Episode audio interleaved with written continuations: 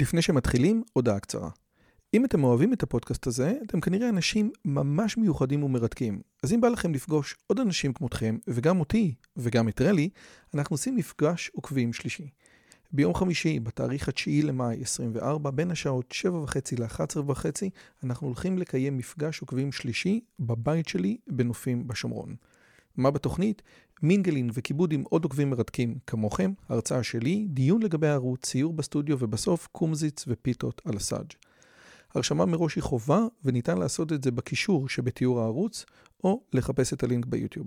נשמח מאוד מאוד לראות אתכם. ועכשיו, לשיחה. אותו דבר נכון, יש משפט מפורסם, מה שנכון לחיידק נכון גם לפיל. אה, לגבי המון המון מנגנונים אחרים שאנחנו רואים, כמעט שום דבר לא מגלים בבני אדם, גילו את זה בחיידק איקולי או בצמח הרבידופסיס או בזבוב אה, דרוזופילה, אתה יודע, באמת זה נכון. אפילו בעכברים יותר קשה לגלות את זה כמורכב.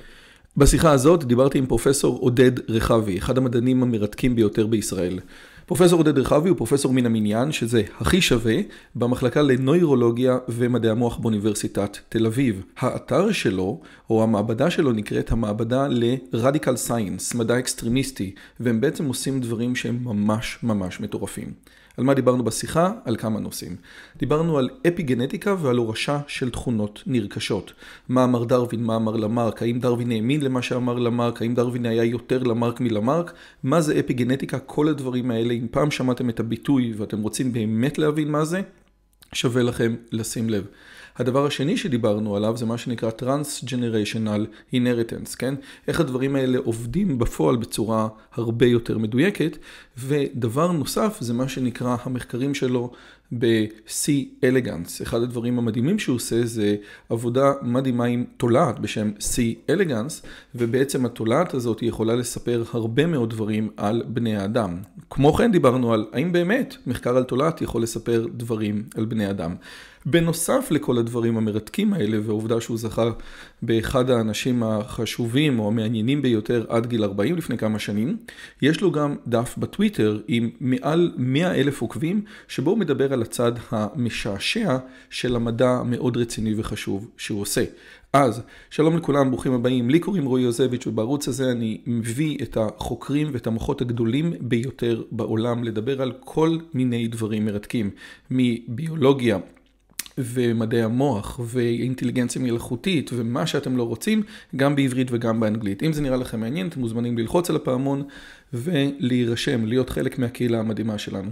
ועכשיו, פרופסור עודד רחב.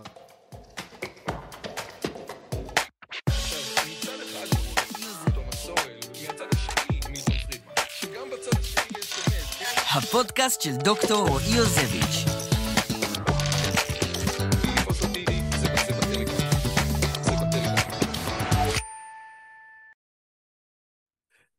אז בוקר טוב, פרופסור עודד רחבי, אוניברסיטת תל אביב, כיף שבאת, מה שלומך הבוקר? בסדר גמור, תודה רבה, תודה רבה על ההזמנה. תקשיב, אנחנו uh, מקליטים את זה uh, לפני חג החירות ו- ולפני פסח, והשאלה היא באמת, האם חלק גדול מהעבודה שלך עוזר לנו להבין יותר טוב uh, רצון חופשי או בחירה חופשית בכלל, גם בעבודה הגנטית והאפי גנטית, אבל אני חייב להגיד לך לפני, שקרה לי משהו איתך שלא קרה לי ב-200 שיחות קודמות. תמיד כשמגיע איזה מדען רציני, אז אני משוויץ לחברים, כן, אתם יודעים מי הולך להגיע, פרופסור כזה ופרופסור כזה, וכשאמרתי את השם עודד רחבי, אז שני אנשים מאוד רציניים, אחד מהם זה דוד שלי, פרופסור שי אשכנזי, אמר לי, הבן של גידי? אז שני אנשים אמרו לי, הבן של. אז רק כדי לעשות כיבוד הורים, אתה יכול להגיד מי זה אבא שלך?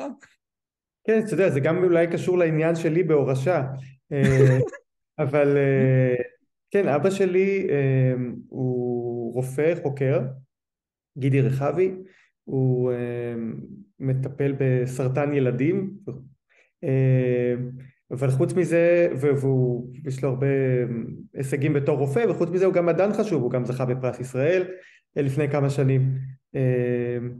גם אמא שלי רופאה, אה, חשובה ומכובדת, אז כן, אתה יודע, זה, לצאת מהצל של ההורים זה מה שאנחנו מנסים לעשות כל החיים או לא, אה, ו, וזה ב, ב, בישראל כל מי שפוגש אותי כמעט יגיד את זה. אתה יודע שדרווין היה ילד, כן? אמרו זה הנכד של דרווין, אותו דבר לגבי גלילאו, אמרו זה הנכד של גלילאו, והיום הנה אנחנו יודעים אחרת. אבל אחד הדברים שאמרת בפודקאסט מ-2021 אני חושב זה שאתה גדלת בבית עם מישהו שהיה חוקר, ממש חוקר, נניח PhD, אבל אתה לא תפסת את זה ככה. זאת אומרת, אתה תפסת אותו כדוקטור רופא, כן? מה שנקרא רופא שעוזר לאנשים, לא שלא עוזר לאנשים. אז לגמרי. איך זה יכול להיות? סתם אני זורק נכון, ההתעסקות בתור PI ובגרנטים ובפייפרים וכן יתקבל, לא יתקבל, זה משהו שהוא תופס את, כמעט את כל הישות של החוקר. ואיך הדבר הזה עבר מתחת לרדאר אצלכם בבית? זו שאל, שאלה טובה, אני באמת לא ידעתי על שום דבר, כולל שהתחלתי, אפילו, אתה יודע, את המחקר באוניברסיטה, עדיין לא ידעתי איך זה עובד עם מאמרים, שיש כותב ראשון וכותב אחרון ו, ושקשה לפרסם אותם ושיש אה, ביקורת אמיתית וכל הדברים הזה, לא ידעתי מזה שום דבר. ובאמת מעניין איך אה, אבא שלי חסך מאיתנו את העניין הזה. אה, אני חושב שיכול להיות שזה קשור לזה שהוא עשה את זה במקביל לרפואה. אתה מאה אחוז אקדמאי וזה כל מה שאתה עושה, אני חושב שזה כיף גדול שאתה גם רופא ויש לך, אתה יודע שאתה מסודר מבחינת זה שאתה עושה טוב בעולם וש... אה, אמ, ו... ומציל אנשים וכולי, שאתה לא צריך, השאר מתגמד או נכנס לפרופורציה, אז אני לא ידעתי על זה שום דבר, ובאופן כללי אני חושב שפשוט הרבה יותר קשה להסביר ולדבר על מדע אה, לעומת הרפואה, שזה משהו מאוד אה, מיידי וברור, אז... בייחוד זה... בסרטן ילדים. בייחוד בסרטן ובאופן כללי, גם שני האחים שלי הם רופאים MD PhD, לא יודע, כנראה, כנראה שזו הסיבה.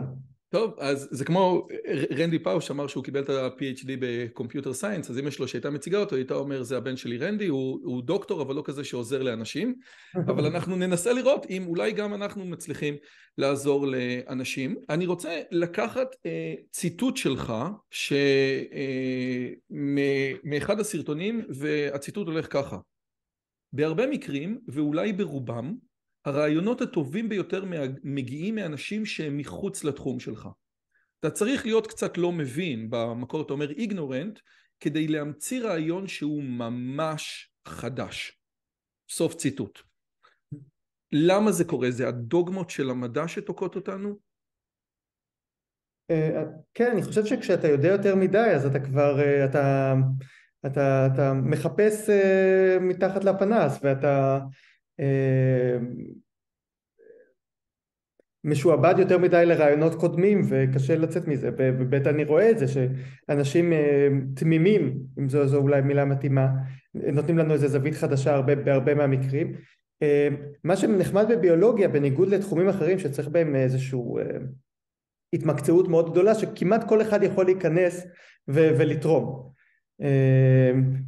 אז, אז ב, ב, בסופו של דבר את הפרטים הקטנים מישהו יצטרך אה, להשלים ואת, ואת אה, את הפיפטציה ואת העבודה על, על הבנץ' מישהו יצטרך לבצע עם איזשהו אה, יכולות מסוימות אבל רעיונות כלליים או מחשבות או, או כישורים חדשים על דברים שקורים בעולם הטבע כל אחד כמעט יכול לתת.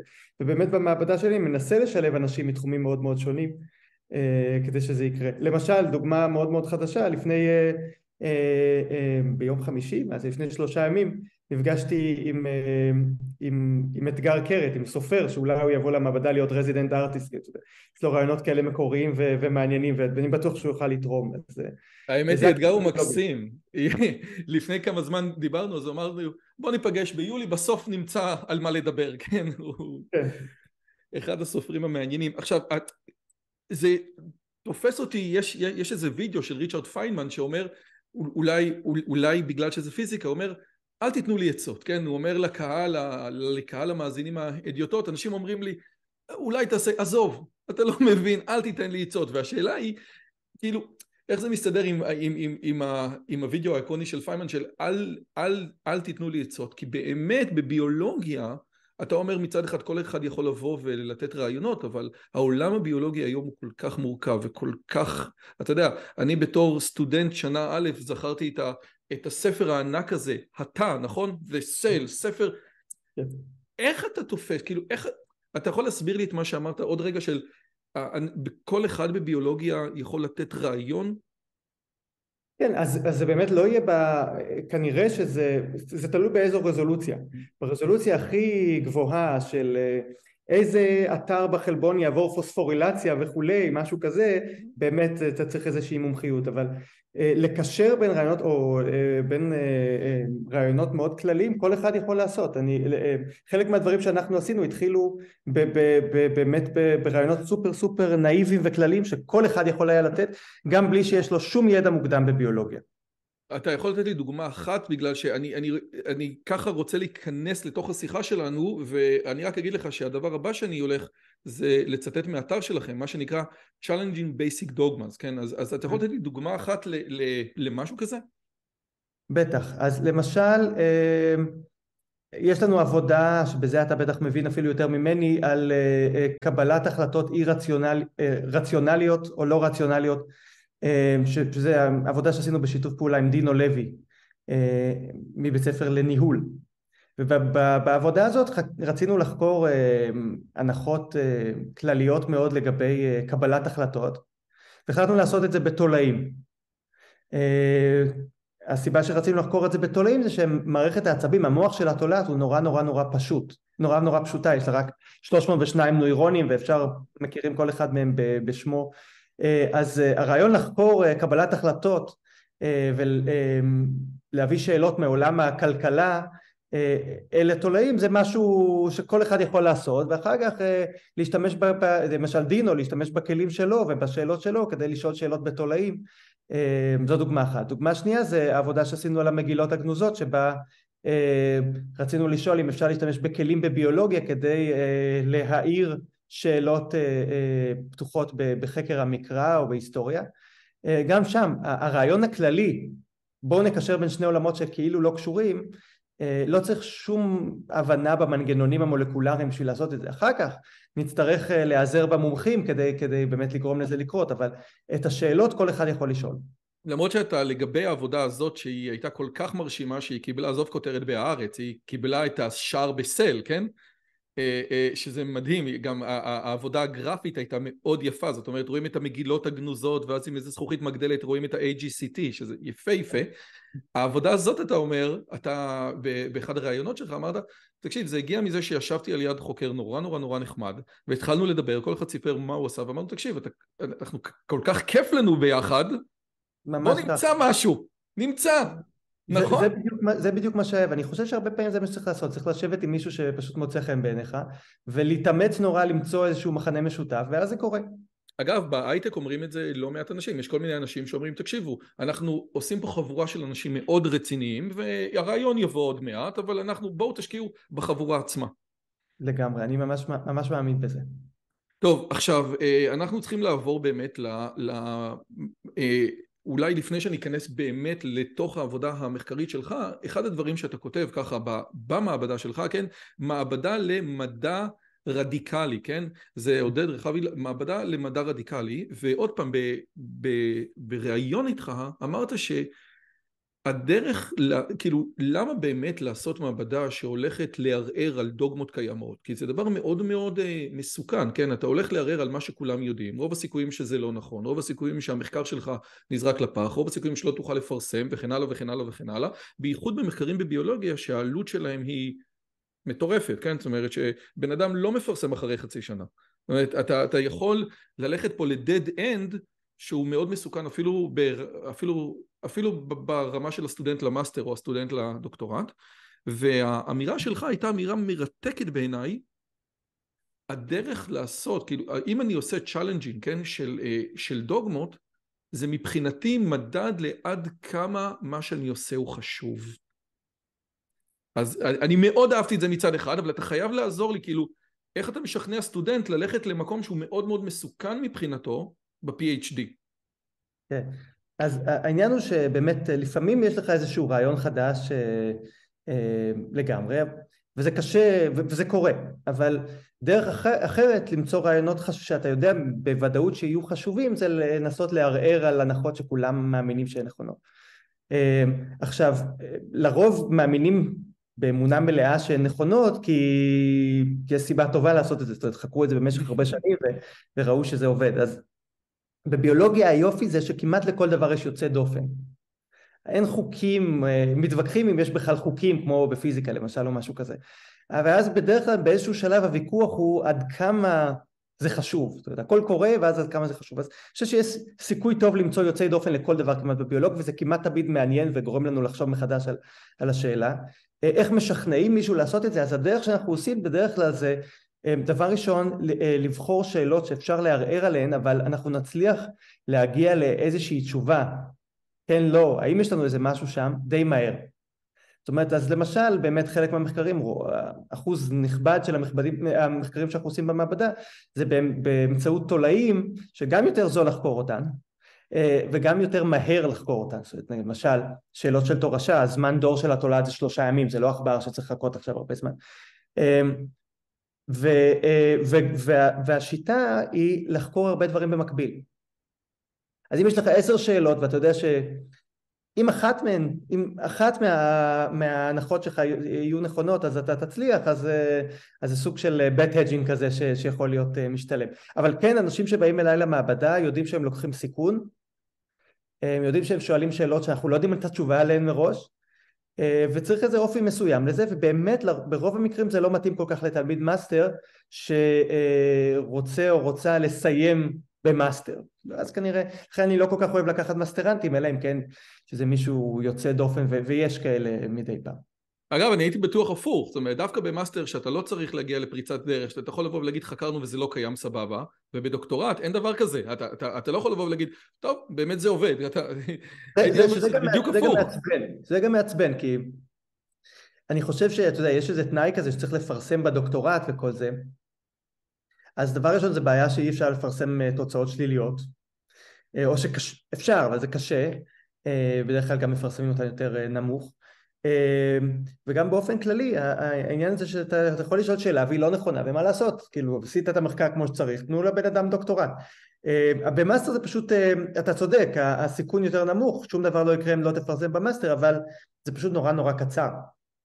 חצי מהזמן עושים קורסים וזה, אז כאילו לא, לא מספיק. אתה אומר, אין, לנו זמן. טוב, האמת היא, זה, זה, זה באמת נורא מעניין, איך באמת סטודנט, שבדרך כלל אנחנו מכירים שעובד, יש לו את הדבר הזה, אחד הספציפי שהוא עובד עליו, ככה מה שנקרא הקיפוד, איך, איך באמת הסטודנט הזה חי בכמה פרויקטים במקביל, אבל...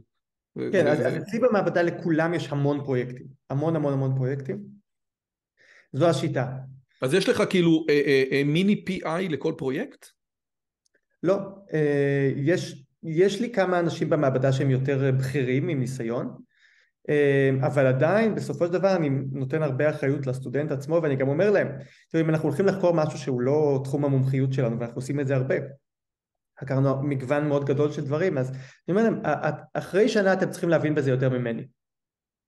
וזה לא תמיד קורה, אבל, אבל זו המטרה, שאחרי שנה, אם אנחנו פתאום הולכים לחקור, יש לנו עכשיו מחקר על חלזונות, אתה יודע, כן. אני לא, לא מומחה גדול בחלזונות, אז אחרי כמה זמן צריך להבין יותר ממני, אחרת הפרויקט ייתקע, אין מה לעשות, אבל אה, הסטודנטים בארץ הם יותר מבוגרים, אה, וגם ככה בארץ אף אחד לא רוצה, אתה יודע, אין אה, כבוד לסמכות, אז צריך לנצל את זה לטובתנו ו, אה, ו, ולראות מה, מה, מה אפשר להפיק בזה, פה, פה יש לנו איזה יתרון יחסי. האמת היא זה מטורף מה שאתה אומר כי דיברתי בזמנו עם פרופסור עמיהוד גלעד. אגב הסיבה שאני שואל אותך את זה כי אני איך אומרים תוריי וללמוד אני צריך כן? זאת אומרת אני פי איי צעיר איך אומרים? אם אני יכול למשוך עצות מהמאסטר אז, אז, אז, אה, אז זה מה שאני עושה כן? אבל דיברתי עם פרופסור עמיהוד גלעד שהמנחה שלו בדוקטורט היה רוטנשטייך כן? נתן מהפילוסופים ה old school של העברית. אז הוא אמר יום אחד הוא קרא לי בשמי הפרטי, או התקשר הביתה, או כאילו, אתה יודע, היה כזה דיסטנס שהיום הוא לא קיים בכלל, בכלל, בכלל, בכלל, בכלל, אבל יש אולי משהו טוב בזה שהוא לא קיים, בזה שה... אתה יודע, סטודנטים רצים קדימה, כמו שסיפרת על אחת הסטודנטיות שלך, על דנה, שכאילו, שביקשת ממנה לעשות משהו, עשתה משהו אחר לגמרי, אתה יודע, העובדה שאנחנו נותנים איזשהו חופש מאוד גדול לסטודנטים שלנו, יש בזה added value מאוד גדול. מקבל? נכון, ואם כבר מדברים על אתגר קרת שהזכרנו וזה באותו הקשר אז שמעתי אותו בהרצאה לפני איזה שבועיים ואז הוא אמר ש, שהוא כותב סיפור הסיפור צריך להיות יותר חכם מהכותב זאת אומרת שאם אתה כבר יודע מראש מה אתה רוצה להסיר זה כמו לחבר איזה אתה יודע לפי הוראות מאיקאה וגם במחקרים שלנו אם אתה מתחיל איזה משהו, אתה נותן את זה לסטודנט, יש לך איזה כיוון כללי, הוא לוקח את זה, או היא לוקחת את זה לכיוון אחר לגמרי, ואז המדע עצמו מפתיע אותם, ככה, ככה מדע צריך להיראות. כן, מה שמחזיר אותנו גם לנקודות שאתה דיברת על אורי אלון, ש, שהוא חוקר רציני מאוד בוויצמן, ובאמת מדבר על הסיפור הזה שהרבה פעמים המאמרים מתפרסמים בצורה הזאת של היה A, זאת הייתה הנחות יסוד, הלכנו מ-A הגענו ל-B, וכאילו ידענו מראש, והוא אומר, זה קודם כל זה אחלה כי ככה אנחנו מפרסמים בעיתונות אבל הרבה פעמים זה שקר אחד גדול מבחינה היסטורית וזה מה שאנחנו גם קוראים בכל הספרים האלה, כן, הספרי היסטוריה של המדע.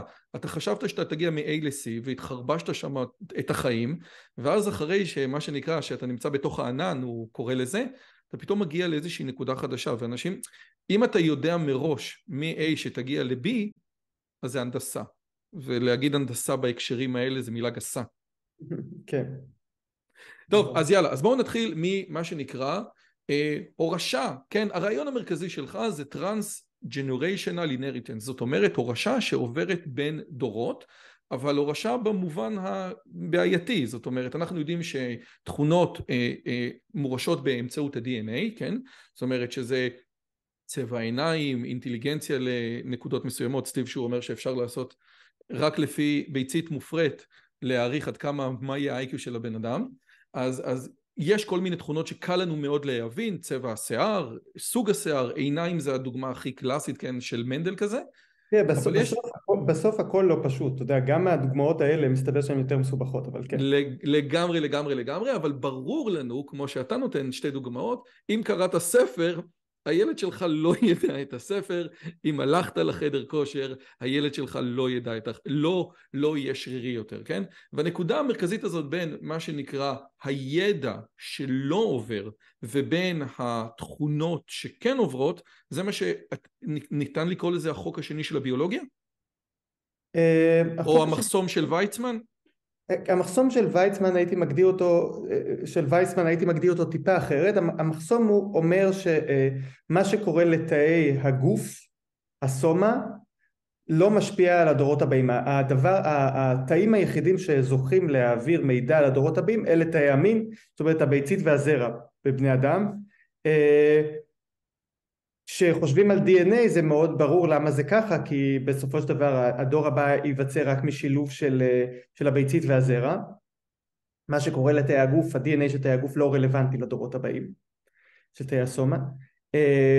כשמדברים על, אז, אז למשל אם אני הולך לים ומשתזף וכתוצאה מקרני השמש יהיו לי מוטציות בתאי האור זה לא משנה לדור הבא כי אה, מה שקורה לעור שלי בגוף זה לא, זה לא, זה לא ה-DNA שלה ש, שישפיע על הדורות הבאים, ה-DNA היחיד שיעבור לדורות הבאים זה ה-DNA של הזרע והביצית, ואם הוא לא יצבור מוטציות זה לא משנה.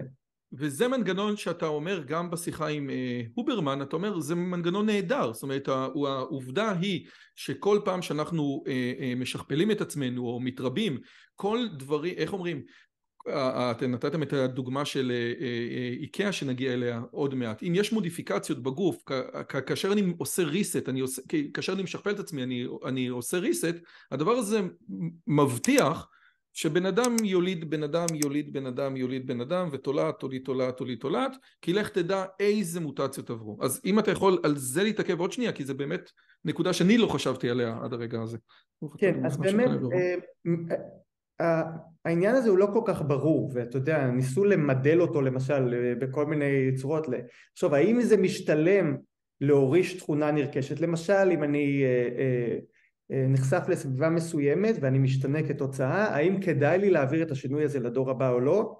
או שעדיף לי שהדור הבא ייוולד לפי התוכניות הקבועות והבלתי משתנות שמגדירות אדם ואז מנסים לעשות כל מיני מודלים אה, מתמטיים כאלה ולראות באיזה מצבים זה משתלם ואיזה מצבים הוא לא משתלם. אגב, כשאתה זה... אומר משתלם, אנחנו מתכוונים משתלם אבולוציונית יותר, אה, יותר מתאים, פיטסט מה שנקרא. בדיוק, נוליד יותר צאצאים שישרדו יותר זמן. ונפיץ ככה את, ה, את הגנים שלנו, אוקיי?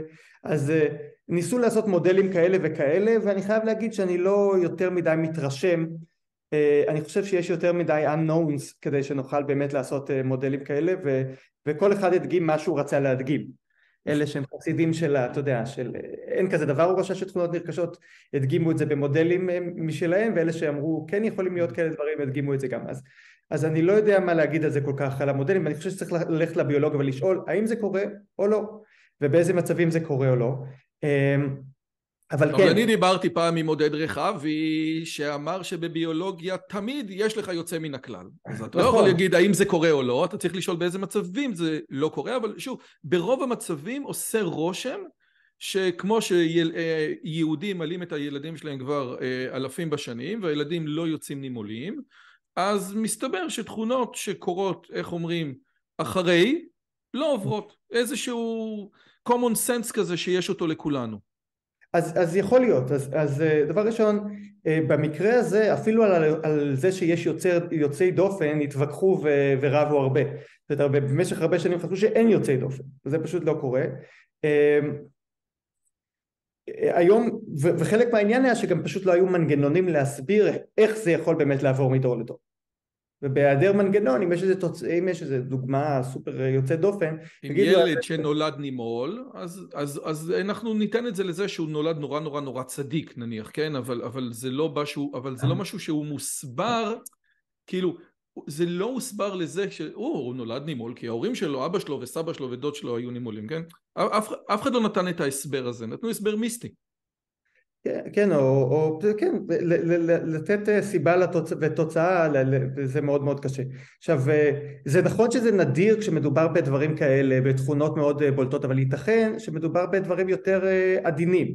למשל, כשאנחנו מדברים, נתת דוגמאות של תכונות מורכבות, למשל אינטליגנציה.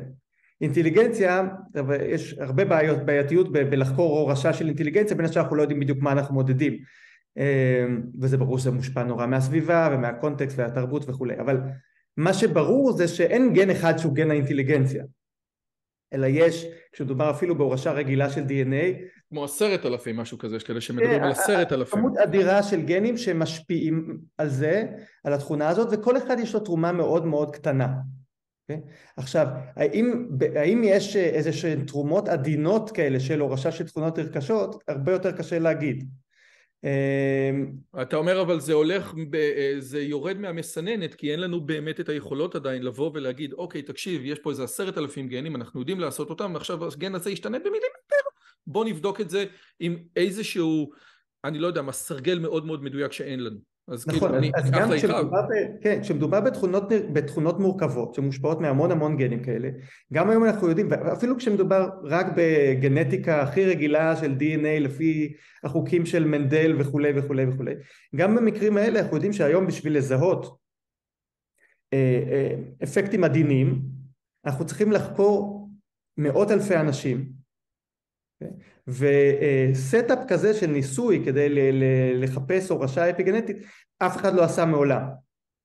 זאת לא, לא היו ניסויים רחבים בקנה המידה של הניסויים שעושים היום בגנטיקה של אוכלוסיות כש, ש, שבאו לחקור אפיגנטיקה וזה גם הרבה יותר קשה כי בגנטיקה ההנחה שלך היא שזה לא משנה מאיזה סביבה באו האנשים בסופו של דבר כן.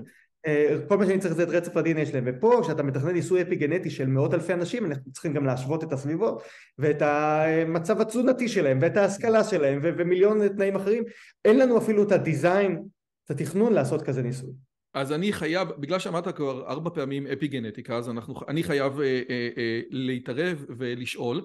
עכשיו, את, את השאלה הזאת אני שאלתי גם את אה, פלומין וגם את, את רוברט פלומין וגם את אה, צחי אנדור. אה, ההבנה, ש, ההבנה שלי של אפיגנטיקה הייתה משהו מסוים, אתה מגדיר את זה טיפה שונה, אני, אגדיר, אני אגיד מה אני מבין ואתה תגיד כמה זה גרוע. אה, אה, בסופו של דבר אנחנו יודעים שאפיגנטיקה, כן, זה, אל, זה בעצם דברים שמשפיעים משפיעים על הגנטיקה אבל הם לא קשורים ל-DNA עצמו, ניתן לחשוב על זה כמו על, אה, אה, כמו על כפתורים, כן? או יש כאלה שקוראים לאלילים האלה, כן? כפתורים, איזה שהם כפתורים ב-DNA שאנחנו יכולים להדליק ולכבות אותם וה, וההגדרה של להדליק ולכבות אותם מדליקה או מכבה תכונות מסוימות ולכן ניתן לחשוב שכפתורים מסוימים ב-DNA נדלקים ונכבים כתוצאה מהסביבה והדבר הזה משנה למרות שב-DNA לא היה שום שינוי, זה. עדיין נשאר אותו sequence. אז ואז השאלה היא, מה בדיוק בסביבה מדליק ומכבה את הכפתורים האלה? כמה היית, אה, איזה ציון היית נותן להסבר הזה? הייתי נותן לו ציון לא רע, רק הייתי מוסיף מרכיב אחד חשוב.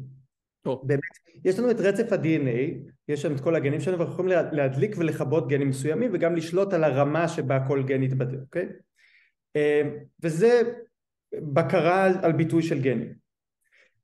כדי לדבר על אפיגנטיקה הייתי מוסיף מרכיב אחד וזה המרכיב של ההורשה. זאת אומרת שינית את הביטוי של גן מסוים גרמת לו להתבטא או לא והשינוי הזה נשאר הוא ממשיך אחרי או חלוקת תא ואז אנחנו מדברים על אפיגנטיקה אבל פשוט באותו דור אחרי חלוקת תאים או הנושא שאנחנו מדברים עליו עכשיו שהוא גם יותר קונטרוברסלי בין דורות זאת אומרת שיש שינוי בביטוי של גנים, מדליקים ומכבים את הסוויצ'ים האלה, אבל, לא- והשינוי הזה יישאר גם כדי להשפיע על הדורות הבאים. וזה הדבר, וזה הדבר שמביא אותנו, אתה יודע, רק, רק אני, אני אחדד סליחה, סליחה, סליחה, סליחה. לא, לא, לא, ואני אחדד משהו אחד קטן. והשינוי הזה בביטוי הגנים נוצר לא כתוצאה משינוי ברצף ה-DNA, אלא במנגנונים אחרים. כן, עכשיו יש, כשאני דיברתי עם מייק לוין אז אמרנו יש גנטיקה, יש אפי גנטיקה ויש את הביו-אלקטריסיטי שהוא אולי איזשהו שכבה נוספת נקרא לזה, שגם משחקת תפקיד שם. אז אני חושב שכשמדברים על אפי גנטיקה לא, לא, לאו דווקא חייבים להגדיר מנגנון. זאת אומרת היו אנשים שדיברו על אפי גנטיקה ואמרו אפי גנטיקה זה מטילציה של DNA, זה שינוי כימי מסוים ל-DNA, אבל זה, זה, זו לא צריכה להיות ההגדרה, ההגדרה יכולה להיות כל שינוי מורש שלא דרך רצף ה-DNA וזה יכול להיות... אה יפה, 아, ואז יכול להיות שמה שמייק לוין עושה עם הפלנריות שלו זה גם סוג... יכול להיכנס תחת אותו מנגנון. אבל, אבל, אבל זה לא הלילים האלה שאנחנו מכבים ומדליקים אותם, אם אני מבין נכון. אה, תראה, זה לא חייב להיות, אה, זאת אומרת, הלילים הם, הם גרסאות שונות של אותו גן. זה הכפתורים. אה, לא, זה, אה, בכל גן, הרי יש כן. לנו, אה, בכל, בגוף שלנו יש לנו עותק אחד שקיבלנו כרומוזום אחד מהאימא וכרומוזום אחד מהאבא ועליהם יהיו שתי גרסאות של הגן, הן יכולות להיות זהות ויכולות להיות שונות. חוץ מזה יש יכול, יכול להיות מגוון מאוד גדול של גרסאות למשל בבני אדם של אותו גן ששונות אחת מהשנייה בהבדלים קטנים אלה נקראים האללים, זה, זה, או עליל באנגלית, זה גרסאות שונות של אותו גן. עכשיו, אה, חלק מהבקרה על הגנים יכולה להיות אה, שאנחנו בוחרים שההלל הזה יתבטא או ההלל הזה יתבטא, אבל יכול להיות שגם הבקרה היא מגיעה בזה שאנחנו נבטא גן ברמה חזקה או ברמה חלשה, או נשנה אותו, אה, או נקצר אותו, או נעריך אותו, יש כל מיני דרכים לעשות את זה. ו, אה, ו, וחלק מהשינויים גם יכולים להיות בצורה מאוד מאוד עקיפה, למשל מה שמייק לוין מדבר על שינויים ברמה של, אה, אה, במקרה שלו מה שהוא חוקר זה bioelectricity כאיזושהי דרך לבקר מורפולוגיה ו, וכל מיני תכונות של האורגניזם. אז, אז, אז למייק יש, הקדשנו שיחה אחת ארוכה, אז אנחנו, מי שרוצה מוזמן ללכת ולבדוק את השיחה של מייק ש, שנשמעת כמו science fiction.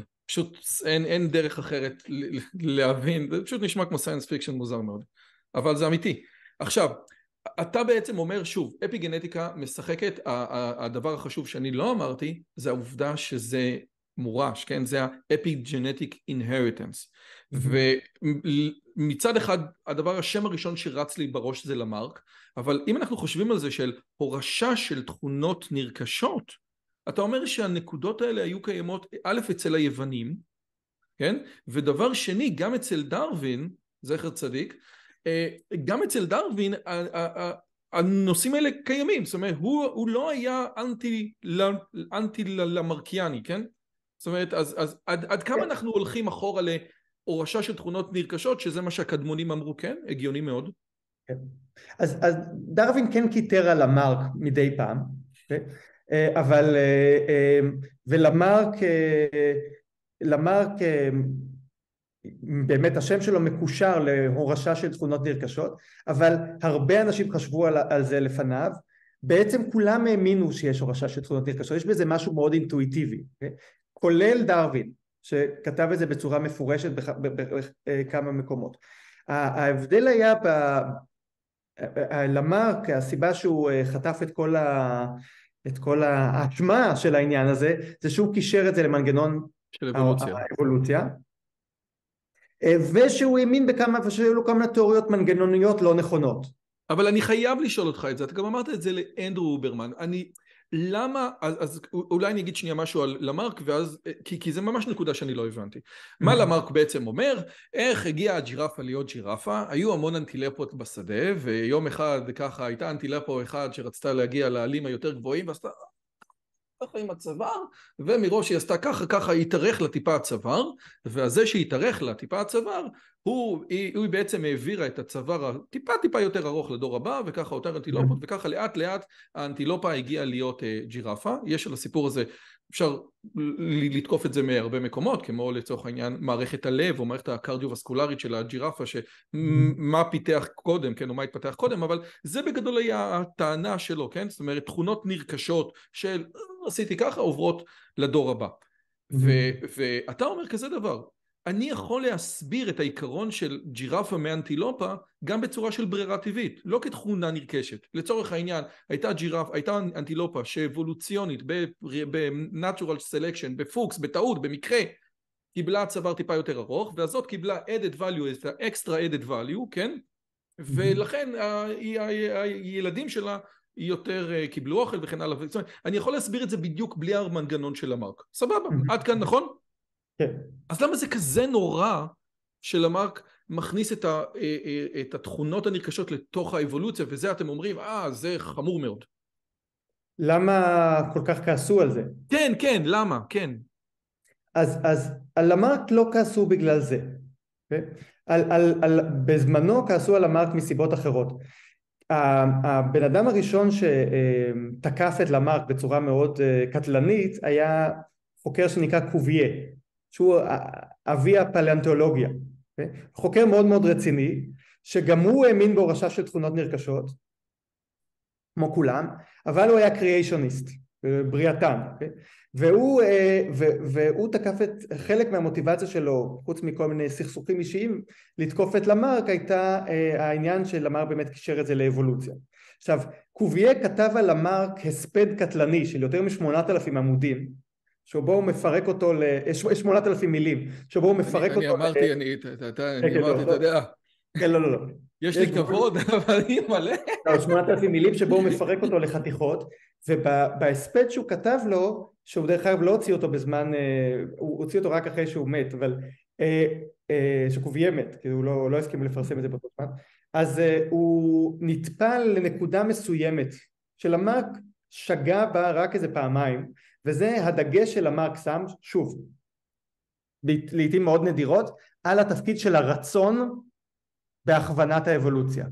זאת אומרת, אני רוצה שמשהו יקרה, אני שואף למשל אה, אה, ש, ש, לאיזשהו שינוי, והשאיפה שלי הזאת תעביר אה, את התכונה לדור הבא.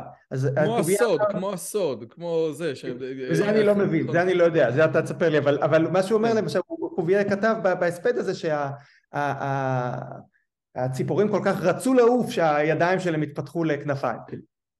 והנקודה הזאת שקוביה צחק על המרק נשארה איתנו סוג של עד היום. גם היום כשאנחנו מדברים על אה, הורשה אפיגנטית אז אומרים אה אז אני רוצה שיהיה ככה ובגלל זה הילדים שלי יהיו ככה וככה כן. עכשיו אחרי זה אה, היו שם פשוט בעיות אה, אה, מנגנוניות. אנשים לא הבינו איך זה קורה איך, איך זה באמת אה, אה, מתאים ל, ל, לעקרונות האלה של וייסמן שדיברנו על זה שרק... זאת אומרת, הבעיות היו, סליחה שאני אומר, אבל אם, אם אתה אומר, תקשיב, הוא תקף אותו על האבולוציה, אבל אם מישהו קריאיישניסט לא מאמין באבולוציה בכלל, אז זה לא באמת עונה. אם אתה אומר, סתם הוא שנא אותו, ולכן הוא נתן איזושהי נקודה מרגיזה של הרצון, שהוא אולי באמת נקודה מרגיזה, אבל היא, היא, סליחה שאני אומר, היא נקודה שאני פחות הייתי מודע אליה. כן. אה, זאת אומרת, כולנו מכירים לא את האנטילופיה. זה לא נגמר בזה, כן. זה לא נגמר בזה. אחר כך, אוגוסט וייזמן באמת, אה, אה, שהתחיל, גם הוא רצה להאמין בזה, והוא ראה שזה לא כל כך מסתדר לו עם כל מיני דברים שהוא חוקר ומגל, והוא אמר, יכול להיות שזה קורה, אבל אין סיבה להניח את זה, אנחנו יכולים ב-Natural Selection להסביר הכל, אז הוא, המטאפורה שהוא נתן זה אומר נגיד שיש לי ספינה בים ויש לה את המפרשים של הפתוחים והרוח נושבת אז אני לא צריך להניח שיש לה מנוע. ב-Natural Selection יכול להסביר, ברירה טבעית יכולה להסביר את הכל, אבל הוא לא שלל לחלוטין, למרות שאוגוסט וייזמן נחשב אחד המתנגדים הגדולים של המרק, הוא אמר שזה יכול, יכול להיות שתהיה הורשה של תכונות נרכשות, אבל זה יהיה דרך השפעה ישירה של הסביבה על תאי המין. למשל, אני מחמם את הסביבה נורא, זה משפיע על yeah. כן. מה שקורה בזרע והביצית, הם לא ידעו על DNA בשלב כן. הזה, וזה יגרום לדור הבא להיות אחרת כתוצאה מהסביבה של ההורים. זאת אומרת, זה יכול להיות ואין לנו סיבה להניח. הרעלת אסבסט למשל, אולי זו דוגמה קלאסית, כן, שיכולה, כן, בסדר, אבל עוד פעם, אבל זה מחזיר אותנו לתוך הסיפור הזה שזה לא בדיוק מה שאנחנו חושבים, כן? כי הרעלה של לא הסביבה... כן. זה לא נגמר עכשיו, זה הולך ומסתבך, אז מה שקרה אחר כך, הלכו והתבהרו המנגנונים, מנגנוני ההורשה. תחילת המאה העשרים, אה, מתחילים ל, אה, עדיין לא קרובים להבין איך זה עובד עם DNA וכולי, זה מגיע רק באמצע המאה, אבל הצליחו, התחילו להבין איך, איך אה, יותר ויותר את, את מנגנון ההורשה והיה צריך ל, ל, להגיע לאיזושהי תיאוריה ברורה אה, ומגובשת וההורשה של תמונות נרכשות הפריעה לזה. עכשיו חוץ מזה תוך כדי זה יש אנשים שהיו כל מיני שערוריות מאוד גדולות של רמאויות ופסאודו מדע וניצול אה, לרעה של תיאוריות כאלה ואחרות בשביל כל מיני מטרות פוליטיות שאחד מה, באחד מהמקרים הידועים ביותר זה שבברית אה, המועצות ליסנקו תחת סטלין אה, ניצל את ה... אה, אמר שכל ההורשה המנדלית היא מדע בורגני שבעצם מגביל את היכולת שלנו להשתנות וכובל אותנו ל... Mm. למוצא שלנו וההורשה אגב של... זה בדיוק העניין של הקומוניזם כן? של חלק מהדברים מהבסיס של, המרק... של המרקסיזם זה שהאדם הוא מלייבל כן? הוא ניתן לשינוי כן? זה, ה... זה הדבר המשמעותי שהמפלגה הקומוניסטית באה וזה אתה יכול לשנות את האופי אם תיתן לו מספיק מכות חשמל אה, בדיוק, בדיוק, ואז אתה יודע, אז מהבחינה הזאת ההורשה של תכונות נרכשות התאימה להם בול להגיד שאני יכול לקחת כל אחד ולהפוך אותו לכל אחד, אה, מוביליות מוחלטת, והם ניסו ליישם את זה בחקלאות וגרמו להרעבה של המונים ומוות וזוועות אחרות, וזה הטיל צל מאוד כבד על כל התחום להרבה שנים. ואחר כך היו כל מיני מגבלות שהן מגבלות אה, טכניות, זאת אומרת תיאורטיות אה, לנסות להבין איזה מנגנונים בכלל יכולים אה, להבין את זה, המדע היה חלש אז אה, אה, אה, אנשים לא השתכנעו ולהפך קיבלו את זה כהוכחה לזה שזה לא קורה. ורק ממש בשנים האחרונות מתחילים להבין שיש מנגנונים כאלה שהם יכולים לאפשר את זה אה, שלא כל התכונות יכולות להיות מורשות מדור לדור, יש מגבלות זה בטוח מנגנון ההורשה דרך DNA הרגיל שאנחנו מכירים הוא כנראה עדיין הדבר העיקרי שקורה אבל יכולות להיות תרומות נוספות של מנגנונים אחרים כולל אה, כאלה שמושפעים ממה שקרה להורים במהלך החיים שלהם. אז אני, אני רוצה לקחת, אני רוצה להיכנס לאיזה רחוב צדדי קטנטן וממש לחזור לדרך הראשית, עושה רושם שההתעניינות והידע שלך בהיסטוריה הזאת היא הרבה מעבר למה ש... מה שנדרש כדי לפרסם בסל, אולי אני אגיד את זה ככה בצורה פשוטה, או לפרסם, ב, או, או להיות חוקר, והדבר הזה הוא, הוא לא רק ידע כללי וסקרנות, אלא לעקוב אחרי ההתפתחויות האלה זה קריטי אם אתה רוצה להגיד אוקיי זאת נקודה מעניינת בהיסטוריה שאולי שווה לחזור אליה. אתה מקבל את זה? כי, כי נראה שאתה ממש מתעסק, אתה יודע, גם בספר של קסטלר על ה... על ה... על ה... הוא, על פול, שכחתי את הבחור הזה. פול קמרר, כן. על כן. פול קמרר, כן. נכון? זאת אומרת, זה לא רק אה, אה, אה, ידע כללי, יש פה איזשהו tracing של המהלך המדעי שעשינו. אני, אני חושב שזה נורא נורא חשוב, אה, צריך לדעת מה, אה, אה, איפה נפלו אחרים. אה, וכמו שדיברנו בתחילת השיחה זה שביולוגיה כל אחד יכול לעשות חלק מהשאלות האלה היה אפשר לשאול אותן ושאלו אותן גם לפני מאה שנה. זה לא היה תלוי בזה שעכשיו יש לנו אתה יודע צ'אט GPT ומאיץ חלקיקים. הרי את חוקי הגנטיקה גילה מנדל בגינה שלו במנזר על ידי הכלאות פשוטות וגם חלק מחוקי האפיגנטיקה אפשר לחקור בניסויים מאוד מאוד פשוטים ו- ו- ו- וצריך ללמוד ממה שעשו פעם, זה הניסויים שחלק מהניסויים שלי במעבדה מבוססים על ריצוף וטכנולוגיות מתקדמות, אבל חלק מה, מהניסויים יכולים לבצע אותם ולפעמים גם מבצעים אותם תלמידים בתיכון שבאים uh, להשתלמות במעבדה ועושים, אז מאוד חשוב לדעת מה עשו אחרים ומה כאילו אתה מק... ממש מקדיש לזה זמן, ממש מקדיש לזה זמן ללמוד את ההיסטוריה, זאת אומרת, מה שאתה, אה, זה לא, נמצא, זה לא נמצא בספרי הלימוד זה לא, הולך אז- לספרים אחרים, נכון? אז, זה ממש אני, חשוב. לך, אני אתן לך דוגמה מעניינת. באמת פול קמרר, שהוא חוקר שעבד בווינה בתחילת המאה הקודמת, חוקר מאוד אה, אה, ידוע לשמצה, שגם הוא הואשם ברמאות על ניסויים שהוא עשה על הורשה של צורות נרכשות, הוא עבד ב, בתוך, כחלק ממין איזשהו מכון, ה-BVA בווינה, שבו חקרו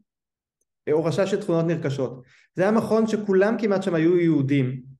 הוא היה, הוא לא היה מנהל או משהו כזה, אבל הוא, הוא עשה ניסויים הכי שערורייתיים שם, ואחרי מלחמת העולם הראשונה ואז השנייה, נמחה זכר המכון הזה וכל הניסויים שעשו, שעשו בו.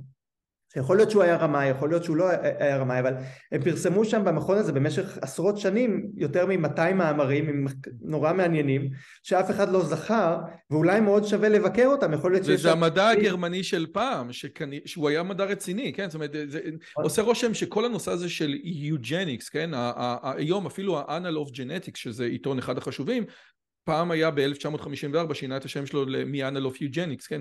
הרעיון הזה של יוג'ניקס זה רעיון שעוד פעם, קיבל במהלך מלחמת העולם השנייה, כן? ה- ה- ה- הוא, הוא, לקחו אותו לאקסטרים הכי גרוע ביותר שאפשר היה לדמיין, אבל בסופו של דבר, כן, מה, מהעבודות של פרנסיס גולטון עד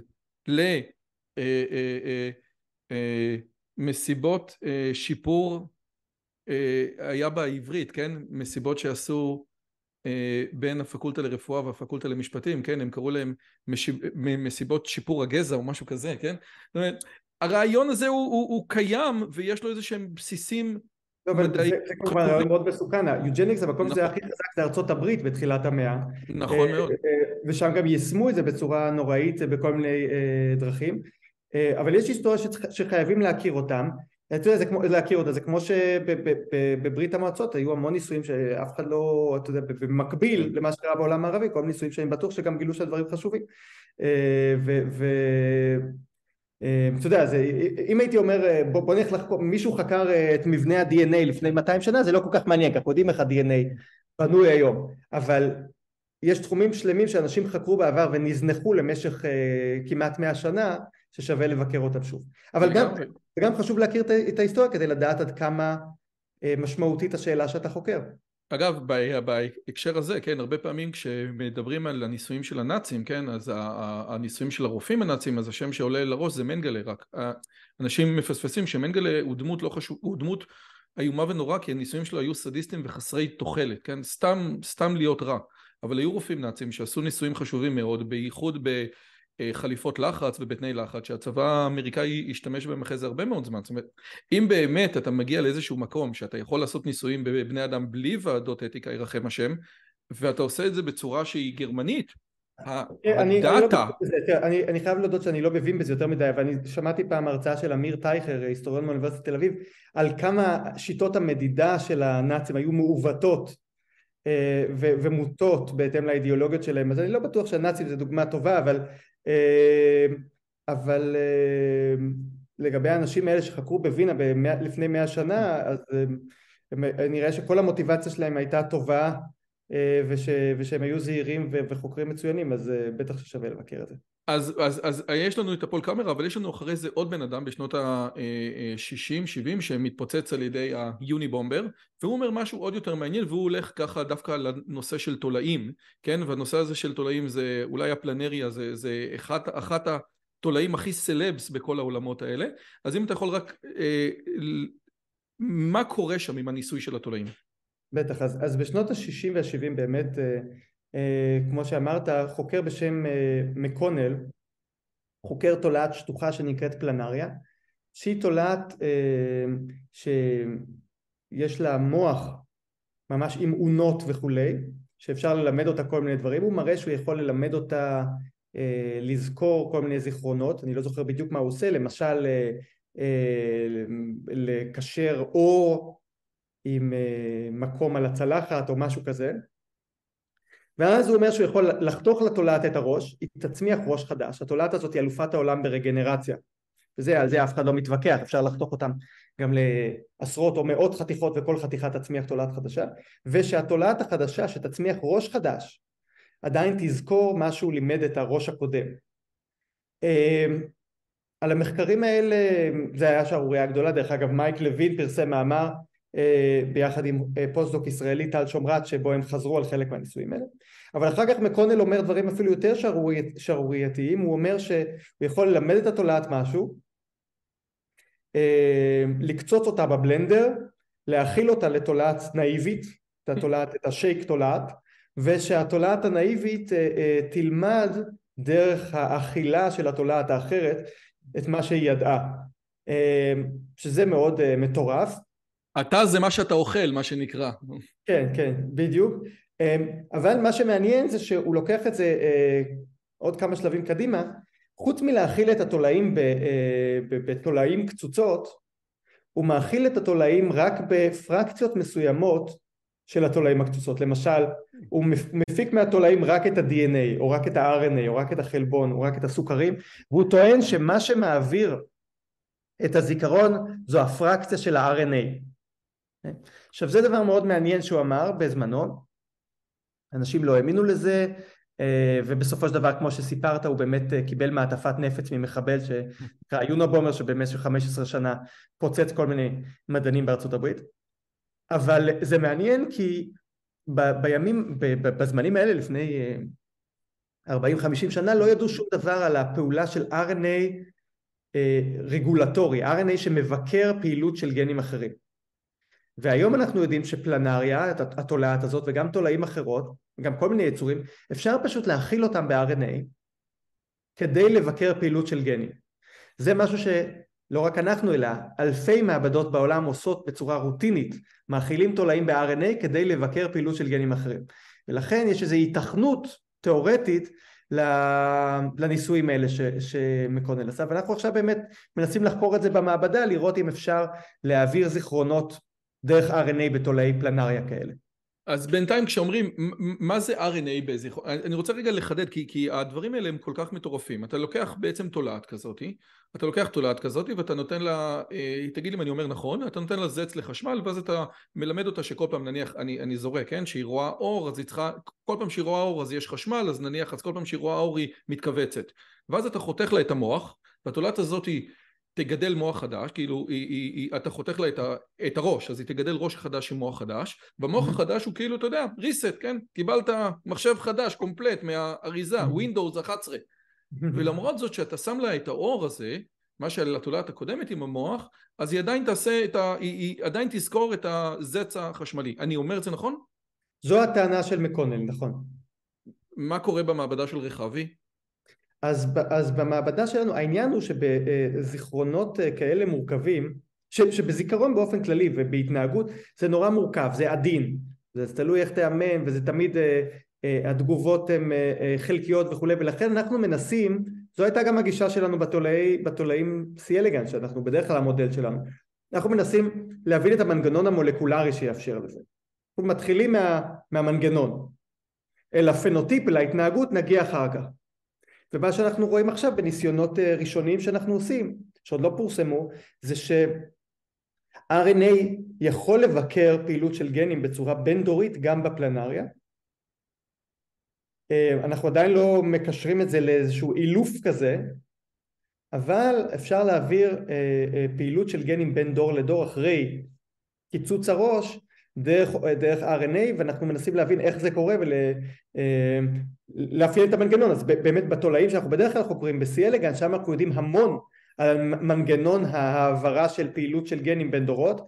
אה, אנחנו מכירים גנים ששולטים בזה אנחנו יודעים אה, הרבה על הדינמיקה ואיך זה מתפשט באוכלוסיות וכולי אז שנייה, רגע, יש טרנסג'ן ויש אינטרג'ן, יש בין דורי ויש תוך דורי, זאת אומרת בין דורי זה מה שעובר מהאבא לילד, ותוך דורי זה מה שעובר מה, מהדבר ל, לעצמו, זאת אומרת... לא, אז אני, אני, תן לי לעשות בזה סדר קצת. אין ספק אפילו... אתה פה בשביל זה, עודד. אז הרעיון שמשהו שקורה לנו במהלך החיים, למשל, אה, הלכת לחדר כושר, כן? בוא, בוא, בוא, זה לא קורה, אז בוא ניתן דוגמה של משהו שכן קורה, למשל... איזה מנוול, אה, דווקא בדיוק ביום חמישי הייתי אה, למשל לוקחים תולעת, מרעיבים אותה, אה, ואז הדורות הבאים, אפילו שהן לא מעורבות, יהיו שונות, וזה קורה וזה ממשיך הרבה דורות קדימה, אוקיי? אה, אני רוצה רגע לחדד, בגלל שהרבה, זה קריטי. לא מרעיבים אותה בזמן שהיא בהיריון עם תולעת אחרת, אלא מרעיבים אותה. ואז אחרי שסיימו להרעיב אותה, היא בהיריון, כי עוד מעט נגיע למחקרי הערבה בבני אדם ולשואה. כן, כן, כן, זה, בדיוק מה שאני, אסביר. אז, בתולעת מה שקורה שאם מרעיבים אותה המון דורות אחר כך יהיו אחרות, מה זה אחרות? יהיו אחרים. אז התולעת אה, אה, אה, תחיה יותר, היא תהיה יותר עמידה לסטרס, יותר- יותר עמידה לערבות, וגם היא תתפתח בצורה קצת יותר איטית. מחקרים של קבוצות שונות, אוקיי? סבבה לגמרי. אה, וזה בא לידי ביטוי בגנים, זאת אומרת אם אני שם את, הג... את ה-DNA מול ה-DNA, אני אראה פה G ופה T ופה T ופה... אומרת, זה בא לידי ביטוי בזה לא או באפיגנטיקה, זה רק זה- אפיגנטי. זהו, ב-DNA לא תראה שום שינוי, מה שמשתנה זה אוכלוסיית ה-RNA שמשתנה לאורך הדורות, ו-RNA מסוימים, RNA קטנים, שמה שהם עושים זה מבקרים פעילות של גנים. אוקיי.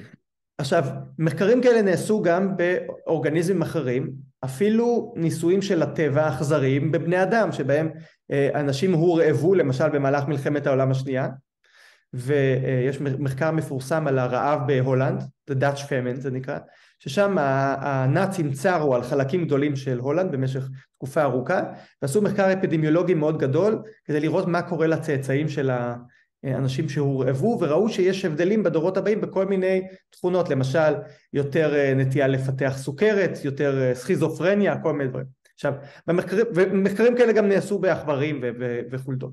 עכשיו, במחקרים האלה, למשל במחקר הזה בבני האדם, מה שראו זה שנשים, אז זו הקבוצה שחקרו, נשים שהיו בהיריון במהלך הערבה, הילדים שלהם היו אחרים מהבחינות האלה, יותר סוכרת וכולי. עכשיו, כשהאישה בהיריון בזמן הערבה זה ברור שהתינוק נחשף ישירות לשינוי הסביבתי, אוקיי? אז, לגמרי. אז אין מה לדבר על הורשה כאן. זה לא באמת מפתיע אותי.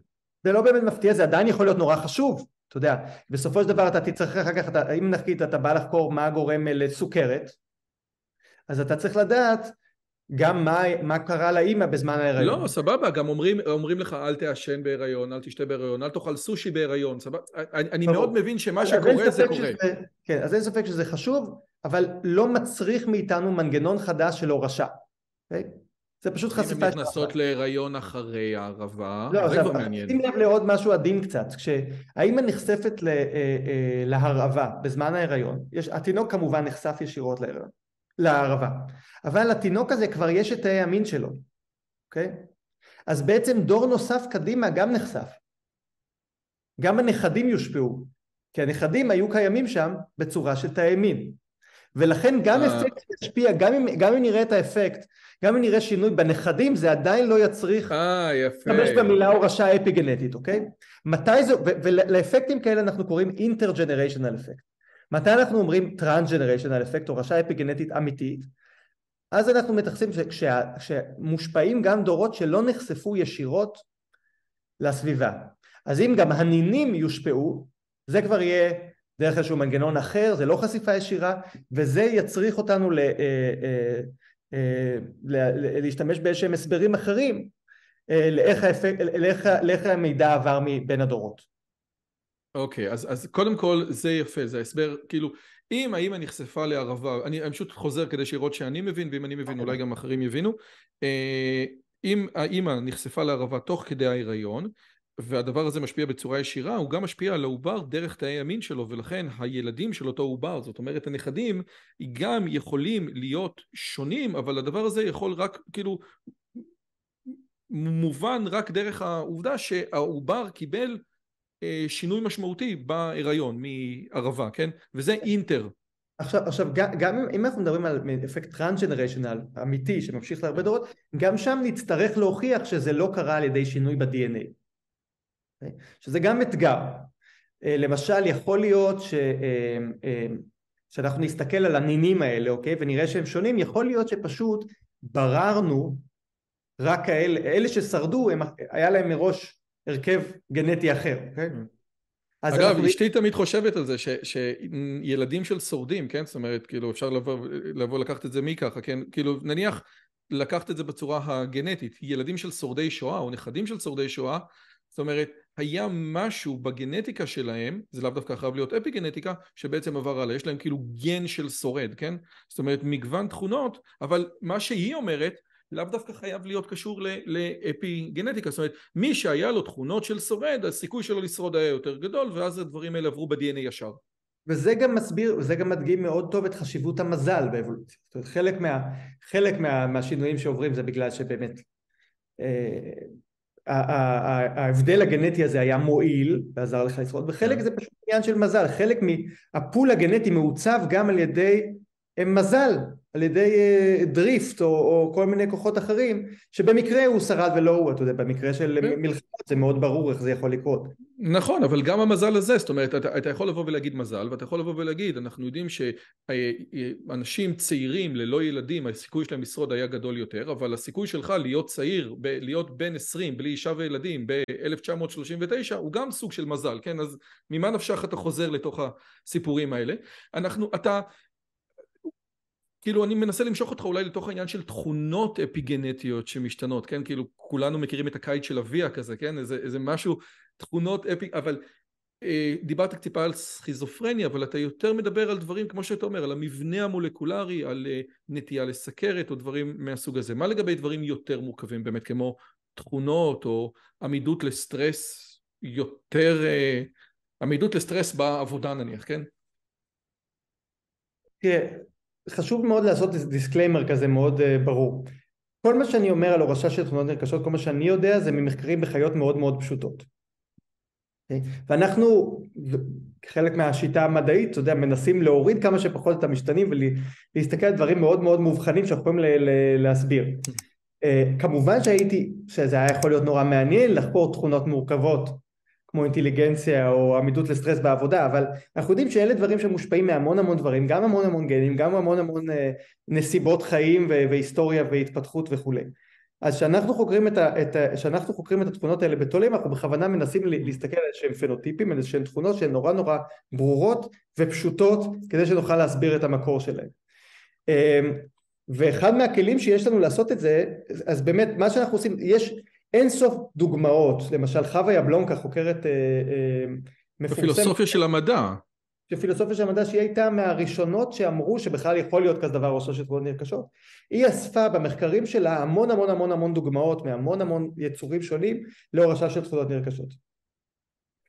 אנחנו מנסים לעשות משהו קצת אחר, אנחנו מנסים להבין בדיוק איך זה קורה כדי שיהיה לנו בסיס מנגנוני שממנו נוכל לצאת ולהסביר ואז אה, אה, יהיה יותר קשה להתווכח עם זה. אז למשל, בעוד שאנחנו יכולים לחקור כל מיני הורשות של תכונות מורכבות בתולעת, למשל התגובה של התולעת לערבה, ועשינו את זה, חקרנו גם את התגובה, תגובות מורשות לחום ולהקות חום ודברים כאלה. היום אנחנו יותר דווקא מתמקדים בדברים עוד יותר מובחנים וספציפיים, למשל, אנחנו משתיקים גן מסוים על ידי זה שאנחנו מכניסים RNA לתולעת שמתאים רצפית בדיוק לגן הזה וגורם להשתקה שלו. Okay? אוקיי? והגן הזה יכול להיות סתם איזה משהו שאנחנו יכולים למדוד מאוד בקלות, למשל הוא הופך את התולעת לזוהרת או לא. Okay? אוקיי? אז עכשיו אתה יודע בדיוק מה הכנסת ואתה יודע בדיוק מה אתה קורא ומחפש. זה כלי מאוד חזק, עכשיו אתה יכול אה, לנסות להבין מתי זה קורה ומתי לא. כשאתה מדבר על תגובה למשהו מורכב כמו סביבה, המון המון דברים ישתנו וזה יהיה בלאגן. ואז יהיה קשה, אתה יודע, זה, זה כמו, אה, כמו כל דבר, אתה, אתה רוצה להוריד את מספר המשתנים בניסוי. כן, אבל, כן. אבל, אבל, אבל כנגד זה, שקודם כל זה ברור לגמרי, שזה, אתה, אתה יודע, בוא נבודד את זה, כאילו, או, כן, או בוא נעשה את ה... מילה אחת, באמת, זה היה, זה היה הכוח של מחקרים של מנדל, שמנדל חקר בהורשה, הוא לא ידע שזה דרך DNA, אבל אה, הורשה של תכונות באפונה, הכוח שלו, הסיבה שהוא הצליח לה, לה, להגיע לכל מיני יחסים מנדלים כאלה והיא שהוא התמקד בתכונות מאוד מאוד פשוטות שהוא כל פעם לקח שני צמחים ששונים אחד מהשני רק בתכונה אחת. כן או לא. ו, ו, ו, והפשטות הזאת היא מה שאפשר לו להגיע לאיזשהם חוקים. אם הוא היה מתחיל בתכונות מורכבות אם הוא היה מנסה לחקור תכונה שיש וריאציה נוראית וריאציה אדירה הוא לא היה מבין שום דבר ו, אבל, וקודם כל, מאה אחוז אתה צודק. מהצד השני, אחד הדברים שבעצם אה, באים לי לראש, יונתן גפן לפני הרבה שנים פרסם ספר שנקרא הספר הצהוב, זה ספר לאבא המתחיל. אני לא יודע אם צריך לך לקרוא, הוא מאוד משעשע. לא, אז. הוא כתב, הוא, הוא, זה, זה ספר מאוד מאוד אה, ישן ומשעשע, ואז הוא כותב שבניסויים שנעשו על עכברים, זה קטע קומי, כן? שבניסויים שנעשו על עכברים גילו שלושה דברים. שהעכברה הייתה בהיריון, שהזכר בהיריון לא פחות מהאישה, ושהזכר בסטרס יותר מהאישה, ושעכבר לבן זה לא בן אדם. זאת אומרת, הנקודה הזאתי של ה, מה שנקרא ה model organism, שאני רוצה להגיע אליו עוד מעט, זאת אומרת, סקינר עשה ניסוי בחולדות מעורבות, ואנחנו רוצים להגיד שחולדות מעורבות מתנהגות כמו חולדה, וחולדה מתנהגת כמו בן אדם, אבל המהלכים האלה מפה לפה לשם, אתה יודע, עם כל הכבוד לשיא אלגנס, כן, שהוא... אח- זה לא בן אדם. ואז השאלה היא איפה אנחנו עוצרים ואומרים אוקיי זה ראינו את זה מגניב ראינו מנגנון שעובד בצורה בתולעת שהיא סופר סופר סופר נוחה לעבודה וכיפית ו- ו- ו- ו- ואפשר למדל אותה בצורה מאוד נוחה ואז אומרים אוקיי יש מערכות שהן יותר מדי מורכבות ואני ברור, אין לי מה להגיד אז עליהם. זו שאלה מעולה ומאוד מאוד חשובה, ואני אגיד לך מה אני חושב על זה. אמ, דבר ראשון, כן, אז אנחנו צריכים קודם כל לחקור משהו שאנחנו מבינים, שאנחנו יכולים להבין. לנסות לחקור זיכרון ברמה המולקולרית בבן אדם עכשיו, למשל, או אפילו בעכבר, זה פשוט בלתי אפשרי, לפי דעתי. יש לנו יותר מדי נוירונים ויותר מדי מסובך. בתולעת יש לנו סיכוי כי יש לה 300 נוירונים ואפשר להביא, ורפרטואר ההתנהגויות שלה מאוד מוגבל. עכשיו, השאלה היא תמיד האם זה שמור, האם זה יהיה אחר כך שמור בבני אדם, כמה זה יהיה רלוונטי, וזו שאלה מאוד מאוד חשובה ולא פשוטה. אני חושב שדבר ראשון, מה שאנחנו מגלים, אתה מתעניין בעולם הטבע ובחיות, אז ארבע מתוך חמש חיות הן תולעת. אוקיי? כבר כן, זה מטורף, זה אוקיי, מטורף אז- לגמרי, אנש- אנשים לא, אתה, אתה כאילו אומר את המשפט הזה, רגע, רגע, הרעיון הזה מבחינה מספרית, אוקיי? לא שמטורף לגמרי, כמה, כמה סוגים יש, אוקיי? יש הרבה סוגים גם של חיפושיות ודברים אחרים, זה לא העניין. מבחינה מספרית, כמה individual animals יש לנו מכל חיה, אז יש ארבע מתוך חמש חיות, זה הערכות, אה, היא, היא תולעת. אז כשאני מגלה משהו שקורה בתולעים, זה מאוד משמעותי לעולם החי. חוץ מזה, הביולוגיה של התולעים, מש... התולעת משפיעה על הכל, היא משפיעה על, היא אוכלת חיידקים, משפיעה על הרכב הגזים ב, ב, ב, באטמוספירה וכולי, אוקיי? אבל, אבל עדיין, אני בכל זאת רוצה להשליך מזה איזשהו משהו ולהגיד עלינו, בסופו של דבר הכי מעניין אותנו לחשוב מה קורה אצל בני האדם ואני רוצה להבין איך זה משפיע על הביולוגיה שלנו. וגם שם יש לי מקורות, יש לי סיבות להתעודד ולחשוב שמה שאנחנו חוקרים יהיה רלוונטי גם ל- אה, ליצורים אחרים. יש לי כמה סיבות לזה. הסיבה האחת היא שבאמת אנחנו רואים שגילו המון דברים חשובים בתולעים או בחיות פשוטות אחרות שאחר כך התגלו כשמורים גם בבני אדם ורק משנת 2000 קיבלו שישה פרסי נובל על מחקרים בתולעת סי אלגנס. Okay? בכל המקרים האלה דובר בתגליות שאחר כך התגלו שהמנגנונים שמורים גם בבני אדם. אותו דבר נכון, יש משפט מפורסם, מה שנכון לחיידק נכון גם לפיל, אה, אה, לגבי המון המון מנגנונים אחרים שאנחנו רואים, כמעט שום דבר לא מגלים בבני אדם, גילו את זה בחיידק איקולי או בצמח הרבידופסיס או בזבוב אה, דרוזופילה, אתה יודע, באמת זה נכון, אפילו בעכברים יותר קשה לגלות את זה כמורכבים, אז באמת חיות המודל התרומה שלהם אדירה. עכשיו למה זה המצב? למה כשאני מגלה משהו בתולעת או בזבוב הסיכוי שהוא יהיה שמור גם בבני אדם הוא יחסית גבוה? כי זה לא שהבן אדם והתולעת הומצאו בנפרד בצורה בלתי תלויה. האבולוציה מקשרת בינינו, כולנו יש לנו מקור משותף, כולנו התחלנו באותו אב קדום ולכן אנחנו סוחבים איתנו הרבה מהמנגנונים המשותפים האלה ו- ו- ו- ומהסיבה הזאת וחלק מהם הם אילוצים של איך הטבע עובד ואיך חיים חייבים לעבוד. זאת אומרת, אם התולעת חייבת את זה, יש סיכוי מסוים שאנחנו, מכובד שגם אנחנו חייבים שיהיה לנו את זה. זאת אומרת ההגדרה של מה שנקרא חיים, כן? שזאת אולי אחת ההגדרות ש, שבמשך הרבה מאוד שנים ליבוביץ' תמיד אמר שאין הגדרה אפילו למה זה דבר חי, כן? אבל מה שכולנו יודעים בעל חיים, כאילו מה שהוא חי, כאילו אם זה חי וזה חי והאדם חי והתולעת חיה, יש להם איזשהו מחנה משותף והם שניהם חיים ו- ו- ולו רק המנגנון הזה שהיינו קוראים לו חיים, זה מנגנון שהוא משותף לשניהם. כן, כן, יש, ואתה באמת רואה שיש, איך שלא תמדוד את זה, יש המון המון דברים, אם, אפילו אם אתה מסתכל על, על סתם הרכב הגנים, ואתה רואה שבין זבוב לבן אדם, הרכב הגנים הוא דומה באיזה 60 אחוז או משהו כזה, אני לא יודע את המספרים המדויקים. זאת אומרת, אנחנו הרבה הרבה יותר, והרי תמיד אומרים את העניין הזה שאנחנו וקופים זה 99 אחוז, אותו דנ"א וכולי. אז אנחנו הרבה יותר דומים ממה שאנחנו חושבים גם לתולעת. אגב, אבל זאת בדיוק העניין, הנקודה, הרבה פעמים, אתה יודע, אפשר לקחת את הסיפור הזה של אדם וקוף לשני כיוונים שונים. זאת אומרת, הכיוון אחד זה באמת, בואנה, תקשיב, זה ממש ממש דומה. זאת אומרת, אם אני שם את הרצף של ה-AGCT, אחד למאה הוא יהיה שונה, אצל בני אדם אחד לאלף הוא יהיה שונה. וזה באמת נכון, כי אלוהים יעזור. זה, זה, זה ריאות, זה ריאות, זה כליה, זה כליה, זה מערכת מין, זה מערכת מין, זה עיניים, הכל, הכל עובד אותו דבר. זה הקורטקס, אה, המערכת הוויזואלית, הכל אותו דבר. מהצד השני אפשר לקחת את זה בדיוק לאותו צד, להגיד, וואו, תראה מה זה, אחוז אחד הוא כל כך, כל כך, כל כך, כל כך מג'ורי. אז, אז אתה אומר, אוקיי, אני בינתיים ב-99 אחוז, עדיין, איך אומרים? הרווחתי. ותראה, וגם חוקי הגנטיקה התגלו באפונים. אז, אה, ואחר כך התגלו כנכונים אה, גם, גם אלינו, אז אני חושב ש, שהאלטרנטיבה היא פשוט להתמודד עם בעיה עם יותר מדי משתנים שהיא לא פתירה, אני חושב שזו פשרה הגיונית. אז בוא רגע ניקח את הנקודה הזאת של מה שנקרא מודל אורגניזם שאתה כל כך, הוא, הוא כל כך חשוב וזה בעצם C אלגנס שזה אין לו אפילו שם זה כאילו אין לו שם בעברית זה סקנטון טודודן אלגנס כאילו ה-C זה אתה יכול לספר קצת, קצת על ה-C אלגנס כי אתה אומר קיבלו שישה פרסי נובל משנת 2000 מה במעבדה שלכם אתם גיליתם או מגלים על הנושא הזה של ה-C אלגנס בתור מודל של ככה מתנהג משהו פשוט, אולי אפשר לבנות מזה הלאה ולהסתכל על מערכות מורכבות יותר. כן, אז C אה, אלגנס היא אחת מחיות המודל, היא תולעת בגודל מילימטר, לא רואים אותה בעין, צריך מיקרוסקופ בשביל להסתכל עליה, והיא אחת מחיות המודל החשובות של הביולוגיה. כשאני אומר חיית מודל, הכוונה היא, ל, או אורגניזם, מודל אורגניזם, אז הכוונה היא לאיזשהו יצור שחוקרים אותו המון אנשים, שנוצרה סביבו קהילה של חוקרים שחוקרים, ביני, שחולקים ביניהם אה, אה, אה, ידע ומשאבים ו, וטכנולוגיות.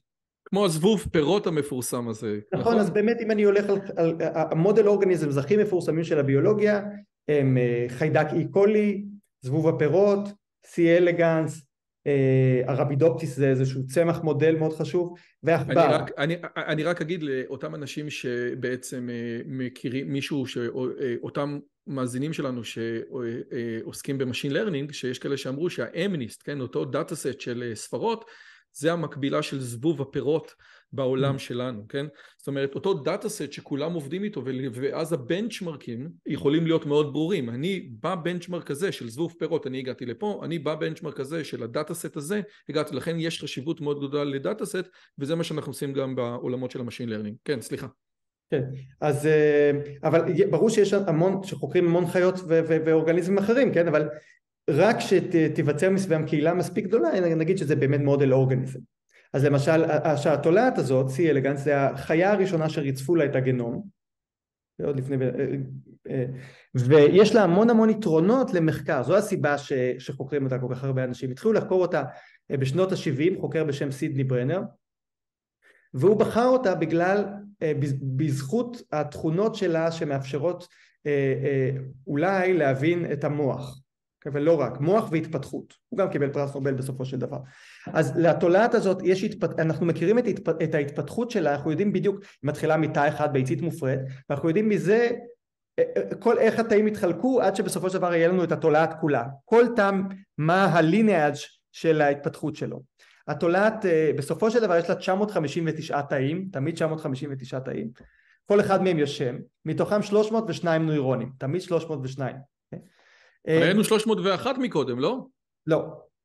אה, אמרת 302, בסדר, אמרתי אולי, אולי, אולי הוספנו עוד איזה משהו עכשיו. לא, לא, כן. לא, לא, עכשיו בשנים האחרונות אנשים מתווכחים, אולי אומרים, יש כאלה שאומרים אולי שניים הם לא באמת נוירונים, אבל הם כן נוירונים, אוקיי? אבל אה, יש איזה ויכוח. עכשיו, אה, התולעת היא שקופה, אז אפשר לראות את הנוירונים שלה באמצעים מסוימים טכנולוגיים ממש יורים אה, ויש סיכוי להבין איך חישוביות עצבית עובדת. לצורכי מחקר ההורשה יש לה יתרונות אדירים וזה שזמן הדור מהרגע שהיא נולדת בוקעת מהביצה עד שהיא תטיל ביצה נוספת יעברו רק שלושה ימים. אז אנחנו יכולים לחקור המון דורות במהלך חיים של דוקטורט אחד אפשר לחקור מאות דורות. Okay? אוקיי? אתה אומר עכשיו אנחנו נכנסים לחופשת פסח, אנחנו מגיעים, אחרי חופשת פסח מגיעים לדור נכון, נכון. אז זה, זה היופי, אתה יודע, ותעשה ניסוי כזה בבני אדם, אז כל דור זה 20 שנה, זה, זה לא פרקטי. חוץ מזה, ל, ל, אה, ל, כל תולעת מטילה בערך 250 ביצים. אז גם ה, ה, ה, הכוח הסטטיסטי שלנו מאוד גדול, כן. ויתרון מאוד חשוב זה שהתולעת מטילה תולעת, היא, יודע, היא מייצרת גם ביצים וגם זרע, ולכן, ומפרה את עצמה, ולכן הצאצאים יהיו כמעט זהים מבחינה גנטית. אז קל לי מאוד להפריד שינויים ב-DNA משינויים אחרים, וחוץ מזה אני שולט לגמרי בסביבה שלה, מגדלים אותה על צלחת עם אגר ו- ו- ו- אה, אה, ו- וחיידק אחד שהיא אוכלת אי-קולי, אז אני יודע, ובטמפרטורה מסוימת, אז אני יודע להבדיל סביבה ותורשה בצורה שקשה לעשות מאורגניזמים אחרים. אה, והתרומה שלנו הייתה שבאמת הראינו שבתולעת הזאת יש הורשה של תכונות נרכשות. ויותר מזה, שמצאנו מנגנון להורשה הזאת. מצאנו שה, שההורשה של התכונות הנרכשות בתולעת מתרחשת דרך הורשה לא של שינויים ב-DNA, אלא שינויים ב... אה, אלא הורשה של מולקולות של RNA מסוימות, RNA קצר, מולקולות של בערך 22 בסיסים שעוברות מדור לדור. אז זה לא מודל תיאורטי שאתה מביא, אלא אתה אומר לא, הנה זה, זה, עזבו, אני לא נותן לכם איזה מודל תיאורטי, הנה זה פשוט עובד ככה עם ה-RNA הזה, זה מה שקורה, ואז אני מסתכל על התכונות האלה, אבל שוב, התכונות האלה כמו שאתה אומר, כדי לפשט את הדברים, לאו דווקא תכונות התנהגותיות, אלא תכונות של אני מכבה גן אחד ורואה שהדברים האלה עוברים לדור הבא, נכון? נכון, אז הסתכלנו גם על כמה תגובות אה, לסביבות יותר מורכבות, אבל בגדול המחקרים המנגנוניים שלנו הם מחקרים מאוד מבוקרים שבהם אנחנו משתיקים גן אחד ורוצים לראות מה יקרה בדורות הבאים, האם עדיין הוא מושתק או לא, ואנחנו גילינו הרבה דברים מאוד חשובים, למשל מנגנון שמאפשר לתולעת כשהיא יורשת RNA לייצר עוד RNA ועוד RNA ועוד RNA, להגביר אותו שוב ושוב, שזה דבר הכרחי מכל מולקולת הורשה. גם DNA, הסיבה ש-DNA היא מולקולת הורשה היא שכל גדיל. אה, הוא יכול לשמש כתבנית להעתקת הגדיל המקביל ואז גם אה, ל-RNA יש מנגנון שמשכפל אותו ואת, ואת, ו, ו, ו, מנגנון השכפול הזה, העובדה שהוא נחוץ להורשה אפיגנטית, זה גם מה ש- שאנחנו הראינו במעבדה. אז אוקיי, זה, זה, זה, זה נראה דברים באמת מטורפים. שאלה נוספת, כן, בגלל שדיברנו על הפלנריה, גם איתך עכשיו וגם עם מייק, מה ההבדל? כאילו יש כאילו קבוצות שעובדות עם ה-C אלגנס, יש עובדות, קבוצות שעובדות עם, הפל, עם הפלנריה. אה, כן, כאילו, אז תראה... מה הקייס לפה ולפה? כן. אז הקבוצה שעוברת עם C אלגנס היא הרבה הרבה יותר גדולה מהפלנריה. אה, פלנריה, אה, אה, קודם כל, אתה יודע, אז עכשיו אנחנו באמת חוקרים האם יש הורשה, זה שיש הורשה של RNA והורשה של צורות נרכשות ב-C אלגנס, כבר אף אחד לא מתלב, מתווכח בשלב הזה, אוקיי? הפלנריה זה עדיין בשערוריות האלה של שנות ה-70, עכשיו מחקר חדש שלנו שאנחנו מקווים לסיים אותו בקרוב, יראה שגם שם זה קורה, אוקיי?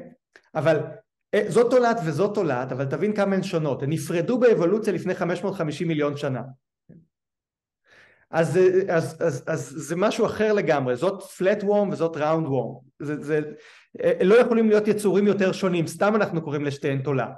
אז זה שזה... איך מייק אמר לי, הפלנריה לא יכולה לקבל סרטן, היא כל כך כל כך כל כך אה, אה, רובסטית, שזה מטורף לגמרי מה שהולך שם. עכשיו, הפלנריה היא מודל מדהים למחקר של רגנרציה, כי היא יודעת באמת להשלים רקמות למשל אחרי שחוצים אותה לשתי חתיכות אז חלק עם הזנב יצמיח ראש, החלק עם הראש יצמיח זנב אבל קשה לעשות בגנטיקה okay? אוקיי? הסיבה היא שהיא לרוב מתרבה על ידי פיז'ן, על ידי זה שפשוט היא תולשת את עצמה okay? אוקיי? ולעומת זאת סי אלגנס מתרבה על ידי זה שיש חיבור של ביצית וזרע אז עכשיו הדור הבא יתחיל כן. איתה אחד, ביצית מופרדת בפלנריה הדור הבא יתחיל מהמון תאים אוקיי? Okay? ובכל אחד מהחצאים שנחתכו יש המון mm. תאי גזע שיאפשרו את יצירת, אז לגנטיקה היא מודל מאוד, היא, היא, היא לא מודל טוב לגנטיקה, קשה מאוד לגנטיקה וגם רוב הכלים שיש לנו בשביל לחקור גנטיקה באורגניזם אחרים כמו למשל אה, קריספר אה, וטרנסגנים ודברים כאלה שקיימים ביצורים אחרים לא עובדים בפלנריה. אז יש, לה, אז יש לה יתרונות מאוד גדולים לחקר ההתפתחות וה, אה, ורגנרציה, אבל היא, היא, היא מאוד מאתגרת כי זה נוגע לחקר ההורשה. אז אלה היתרונות והחסר. טוב, נראה לי שאפשר להגיע לשאלות הקשות, ועל כל שאלה אתה יכול להגיד שאתה לא רוצה לענות עליה, בסדר? בסדר גמור. אז אני אתחיל. אה, שאלה אחת באמת שמבחינתי, זה גם שאלתי את רוברט פלומין על הסיפור הזה, אני גם אגיד לך מה הוא ענה, לפני שאני, okay. אה, אוקיי. למרות שזה לא פייר, כי אתה יכול להשתמש בתשובה שלו. גם, אתה יודע, הוא כתב עכשיו ספר שנקרא DNA, איך שפשוט DNA מסביר הכל, דיברנו על הסיפור הזה, ואז דיברנו על האם ניתן לחשוב על תכונות אופי של עמים, כן? מה שהוא אמר ככה, a nutshell זה שלפי דעתו יש כזה כאילו דבר, אבל קשה מאוד למדוד את זה ולכן הוא מעדיף להתרכז בדברים שהוא יכול למדוד. והרעיון הזה של תכונות אופי של עמים, כמו שאצל הקדמונים, היה להם ברור שהדברים האלה קיימים, והשאלה היא איך אתה רואה את זה? האם נניח התובנות החדשות שלך באפי גנטיקה יכולות להאיר אור חדש על הסוגיה הזאת? אז תראה, דבר ראשון, אני... ואתה יכול גם לא לענות. כן, כן, לא, אז, אז אני אגיד שאני לא רוצה להתעסק עם זה יותר מדי, אוקיי? וזה גם בעייתי, ושזה כל מיני השלכות בעייתיות כמובן. הדרך שאני רואה את זה, נגיד שהיו שני עמים, אוקיי? עגולים ומרובעים.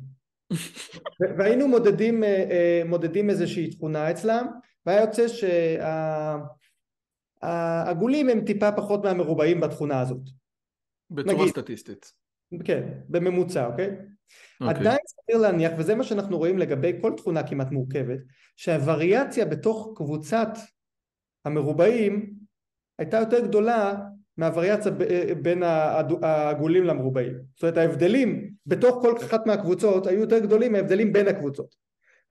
קריטי מאוד חשוב להגיד את זה. אוקיי, ואז השאלה מה זה משנה, הרי מה, נגיד שהמרובעים היו יותר, טיפה יותר חכמים מהעגולים, ואנחנו יודעים שבגלל שהווריאציה יותר גדולה בעגולים, יהיו גם עגולים שהם נורא נורא חכמים, אז מה, מה, איך אנחנו יכולים להשתמש בזה, מה, לא, לא נשקיע בלחנך את העגולים? ברור שכן, יש שם גם שם מוצלחים, ש, ש, אז, אז, אז השאלות האלה הן קצת... אה, לא, אבל, אבל אני, אני יכול לענות, כן, אנחנו לא נדבר על חכמים ועגולים, אני, אני, אני, אני אתן, אה, אה, בגלל ששנינו יודעים על מה אנחנו מדברים ואנחנו מדברים בקודים, אז אני, אני אלך לכיוון הזה אה, מהצד של אה, שחקנים ב-NBA, כן? אוקיי? אה? אנחנו יודעים בגדול שהגובה הממוצע של האסייתים בארצות הברית הוא יותר נמוך מהגובה של ה... של האמריקאים, נניח הלבנים והשחורים, בצורה ממוצעת, אבל זה לא אומר כי, אתה יודע, יכול להיות במשך כמה שנים, השחקן הגבוה ביותר ב-NBA היה סיני בכלל, שכחתי את השם שלו עכשיו, כן? יאומינג, יאומינג. נכון, אני, אני, כל, כל פעם שאני אומר את זה, תמיד אומרים לי את השם, אני לא יודע איך אתם יודעים את זה, אבל אשריכם.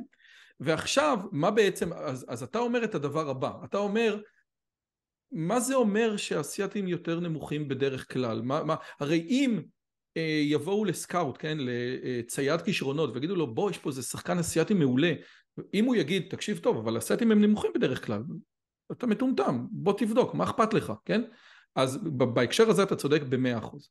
הצד השני של המשוואה אומר שאם בסוף אנחנו נסתכל על פילוג השחקנים ב-NBA ונראה שהאסייתים נמצאים שם בצורה שהיא פחות מהפרופורציה שלהם באוכלוסייה, לא נגיד שיש איזושהי אפליה נגד אסייתים ב-NBA. זאת הנקודה. אתה כן, מבין? אז שוב, אני מעדיף לא להיכנס לזה, וגם יכול להיות כן. שבגלל שלא השקיעו שם מספיק בכדורסל, אני לא יודע, אתה יודע, זה כל כך מורכב. כן, בסדר, אבל אוקיי. אה, שאלה נוספת, אה, אה, ולכן הבאתי בדיוק את הנושא האסייתי, שיותר קל לנו, אתה יודע, לאכול, כי איך אמר חומסקי, הגובה זה לא תכונה חשובה בתרבות המערבית. אז, אז, אז לכן קל מאוד לדבר על גובה, קל מאוד לדבר על גובה כי היא, היא, היא תכונה שהיא משחקת תפקיד פחות חשוב. דבר שני, והוא גם פילוסופי, לפי דעתי אולי פחות, הנושא הזה של בחירה חופשית, כן? זאת אומרת של, של, של, אה, אתה יודע, באיזשהו מקום האפי גנטיקה זה כמו הפסוק אבות אכלו בוסר ושיני בנים תיקנה, זאת אומרת, מה שקורה, כן? החשיפה לרעב בעצם משנה עכשיו שני דורות, אפילו אומר, אפילו, אפילו בלי זה, כן? אפילו בלי, ה, ה, ה, בתוך האינטרים היא משנה שני דורות. Mm-hmm. הנושא הזה של היכולת שלך לשחק, או בבחירה חופשית, או ברצון חופשי, בתוך המבנה הכל כך אה, חזק גם של הגנטיקה וגם של האפי גנטיקה. מה המחשבות שלך לגבי הסיפור הזה? אמ, המחשבות שלי שכנראה בכל תכונה מורכבת מראים המחקרים בלי קשר לאם זה אפי גנטיקה או גנטיקה mm-hmm. יש איזשהו מרכיב מורש אמ, וזה בסדר זו, חייבים להכיר בעובדה הזאת אבל זה ודאי משאיר לנו המון המון חופש לעשות הרבה דברים אבל אבל יש איזשהו, מרק... יכול להיות שנהיה יותר טובים במשהו אחד ופחות טובים במשהו אחר, כי זה, אה, כמה שלא רציתי, אני לא, לא הצלחתי לשחק ב-NBA אפילו שמאוד ניסיתי, אבל uh, עדיין, uh, uh, אבל, אבל זה בסדר. זאת אומרת, uh, אבל כן יש, יש איזשהו מרכיב מורש ב, ב, בכל דבר מורכב שאנחנו עושים, אבל הוא מרכיב אחד מיני הרבה דברים, וה, וההשפעה של הסביבה וה, וה, uh, וההשקעה והחינוך היא אדירה, אז, אז אנחנו לא צריכים להתייאש. אגב, אולי הדוגמה שהבאת היא דוגמה לא הוגנת, שאתה לא שיחקת ב-NBA, אבל אולי אתה רצית להיות צייר והלכת ללמוד בפריז, ואולי גם הגנטיקה וגם האפי גנטיקה של המשפחה איכשהו משכה אותך בחזרה מאוד יכול להיות, הללו. מאוד יכול להיות, למרות שכשאני למדתי בפריז ציור, ההורים שלי באו לבקר אותי ואז חשבתי אולי אני אלמד רפואה ואבא שלי אמר לי מה אתה צריך את זה לך תלמד תהיה צייר אז אתה יודע עדיין לא עשיתי את זה יכול להיות שלא יכולתי לשלוט בזה כי זה היה ההרכב הביולוגי שלי. כן. או, הנושא השני או השלישי שהוא גם קשור, אתה יודע, אנחנו מתכוונים עכשיו ל... אם אני מסתכל על המהלך האבולוציוני, כן, או על תורת האבולוציה, ואני מנסה להכניס רכיבים אפי גנטיים, כן, תקרא לזה למרק או לכאן, משהו שם משתנה בתמונה, זאת אומרת, אני הייתי, שווה להסתכל על תורת האבולוציה בצורה מחודשת בעקבות המחקרים שאתם עושים, בעקבות מה שמייקל עושה, ב- ב- ולבוא ולהגיד, אולי זו תמונה יותר מורכבת ממה שחשבנו? אז זו שאלה מעולה ומורכבת, אתה יודע, ואפילו האם יש מה, מה, מה להתווכח, התווכחו המון. לפני כמה שנים היה איזשהו special issue של Nature, אה, שבו ממש אה, השאלה הייתה, האם צריך לחשוב מחדש על האבולוציה? והיו שני מחנות והביאו כל מיני אנשים, חווה יבלונקה הייתה בצד אחד, אה, והיו אנשים אחרים בצד שני, יש אנשים שמנסים לנסח אה, מין תורת אבולוציה מקיפה חדשה, קוראים לזה The Extended Evolutionary Synthesis, EES, והם טוענים שיש דברים שתורת האבולוציה, כמו שאנחנו חושבים עליה עכשיו, שבעצם העקרונות שלה נוסחו בחצי ה... לפני 80 אה, שנה או משהו כזה או קצת יותר, אה, אה, זה נקרא The Modern Synthesis, השילוב של מנדל, דרווין ו population genetics והם אומרים שזה לא מספיק בשביל להבין את האבולוציה. אני לא יודע לפעמים זה כמעט סמנטי ההתווכחויות האלה אני לא בדיוק יודע על מה מדברים כבר אני חושב שיהיו לזה השלכות על קצבי אבולוציה האם דברים מסוימים יכולים לקרות מהר? אולי על מגבלות ההורשה? אה, אז, אז אה, אני חושב ש, שבוודאי ששווה לשלב את זה במודלים, איך זה ישפיע על התמונה הגדולה? מוקדם להגיד ואני לא יודע, אין לי מושג. אני רוצה לתת אולי דוגמה בהקשרים הללו שאני חושב עליה הרבה, זה נקרא הבעיה של ולאס, כן? אה, רוג'ר סקרוטון מדבר עליה הרבה, אבל הרעיון הזה שהבעיה של ולאס היא, היא, היא באמת בעיה מעניינת, זאת אומרת הניסוח הקלאסי שלה זה אם תיקח אה, ילד שגדל אני לא יודע מה, כאילו תיקח תינוק ממש שהוא יוצא מאימא אה, שלו ביערות הגשם של הסוואנות של אני לא יודע מה, של האמזונס ותשים אותו בקמברידג' הוא יגדל אה, להיות ילד mm-hmm. רגיל, כן, באוקסברידג' ובסופו של דבר הוא ידע כל מיני דברים שמבחינה מתמטית, מבחינת שפה, מבחינת כל המורכבות של התרבות ש, שלא היה לו שום קשר אליהם אם הוא היה ביערות הגשם ויש לו יכולת, כן? זאת אומרת המוח שלו יכול לקלוט דברים בצורה שהיא מטורפת לגמרי מה שלחברים שלו ביערות הגשם אין ואז אומר ולס את הדבר הבא אם ליכולת הזאת, כן? זאת אומרת אם היכולת הזאת קיימת אצל הילד הזה אז היא לא יכולה להיות אבולוציונית בצורה הפשוטה כי היא לא באה לידי ביטוי ולמה שהאבולוציה תשמר תכונה שלא באה לידי ביטוי זה מה שנקרא הבעיה של ולס יכול להיות שאיזושהי מחשבה אפי גנטית יכולה לפתור את המהלך הזה? אני לא יודע, שאלה טובה. כן. ושאלה אחרונה, או כמעט אחרונה, ברפואה, כן, אחד הדברים שמייק לוין אומר זה, זה הרבה פעמים בוא נעשה את זה, אולי נחשוב על רפואה בצורה אחרת לגמרי, כן, כאילו בוא נתן לך אה, אה, ג'ל ותגדל את הרגל מחדש. אם, אם אני אקח את, את מה שאתה עושה היום במעבדה לאקסטרים, תן לי אפילו science fiction בקטנה, mm-hmm. איפה זה יכול לעזור בתוך regenerative medicine או, או בכלל ברפואה אפיגנטית? כן, אז שוב, זה אני, אני אהיה מאוד זהיר ואגיד ששוב, אנחנו לא יודעים אם זה קורה בבני אדם ואנחנו צריכים ללמוד עוד המון ויקחו הרבה שנים וכולי וכולי וכולי, אחרי שנתנו את כל הדיסקליימרים האלה יאללה, אגיד... תן, תן בראש, תן. לא, אז תראה, היום בישראל למשל, כל ילד כמעט, כל זוג הורים, או רוב זוגות ההורים אני חושב, עושים ייעוץ גנטי כדי לבדוק שלילד לא יהיו כל מיני מחלות ומסתכלים על ה-DNA. אתה מסתכלים על מספר מצומצם של גנים, אפשר אחר כך בקרוב, יהיה אפשר להסתכל על כל הגנום. אבל אנחנו מתעלמים מהרובד האפיגנטי. אם, ובעיקרון אם אנחנו נדע לאפיין גם אותו, למשל את השינויים ב-RNA או שינויים אפיגנטיים אחרים, נוכל בשלב הראשון יהיה לנו כלי אבחוני חדש שיוכל להתווסף ולעזור לנו, אה, אה, והיופי זה שגם בניגוד ל-DNA השכבה הזאת היא שכבה אה, משתנה כל הזמן, היא פלסטית. זאת אומרת, יכול להיות שהרכב ה-RNA בזרע למשל יהיה אחר אם רצת קודם על המכשיר ריצה או לא. ה-DNA לא ישתנה, כן? אז אנחנו נוכל אולי, אולי, אה, אה, להשפיע עוד על, על הבריאות על ידי זה שפשוט נבחר או נימנע מבחירה של מצבים אפיגנטיים הרסניים. אז רק שנייה, רגע, רגע, אני רוצה לחדד את זה, כי יש המון, אתה יודע, אצל יהודים אשכנזים זה, זה מחלות שהן אחד למיליון באוכלוסייה, אצלם זה אחד לעשרת אלפים, כן? מה שנקרא מנדלניאן diseases, כן? כמו טייזקס. אז היום אנחנו עושים את הבדיקות האלה ברמה, האם יש לי את הגן הזה או אין לי את הגן הזה, וזה גן רציציבי, אז אם יש לשני, לשני ההורים, אז או שצריך לקבל החלטות, או שצריך בתוך תהליך ההיריון לדעת משהו, אבל אתה אומר רק שנייה, יש עוד דברים שהם אפיגנטיים, שהם לאו דווקא סביבתיים, אלא מה בעצם אמור לקרות במצב כזה? אני יודע, אוקיי, יש לך סיכוי לטייזקס, יש לך סיכוי לטייזקס, שימו לב, או שתיפרדו, או שבהיריון תשימו לב לזה ותעשו בדיקות מוק, אה, מוקדמות. בסצנריו של האפי גנטיקה שאתה מתאר לי, מה, מה יכול לקרות? ואת הדיסקלמר כבר עשינו. יכול להיות שאנחנו נזהה שאיזשהו אה, דפוס אה, של אה, מסוים אפי גנטי הוא בקורלציה למחלה. ואז נוכל להימנע, שלמשל אם בוחרים אה, עוברים או משהו כזה, או להגיד, יודעים מה, אולי אה, תחכו עוד קצת עד שתעשו ילד כדי לשפר את הפרופיל האפיגנטי הזה, במקרה שאנחנו יודעים שזה אה, associated with disease. ונניח. פרופיל אפיגנטי אפשר לשפר על ידי נניח, לא יודע, אוכל, ספורט.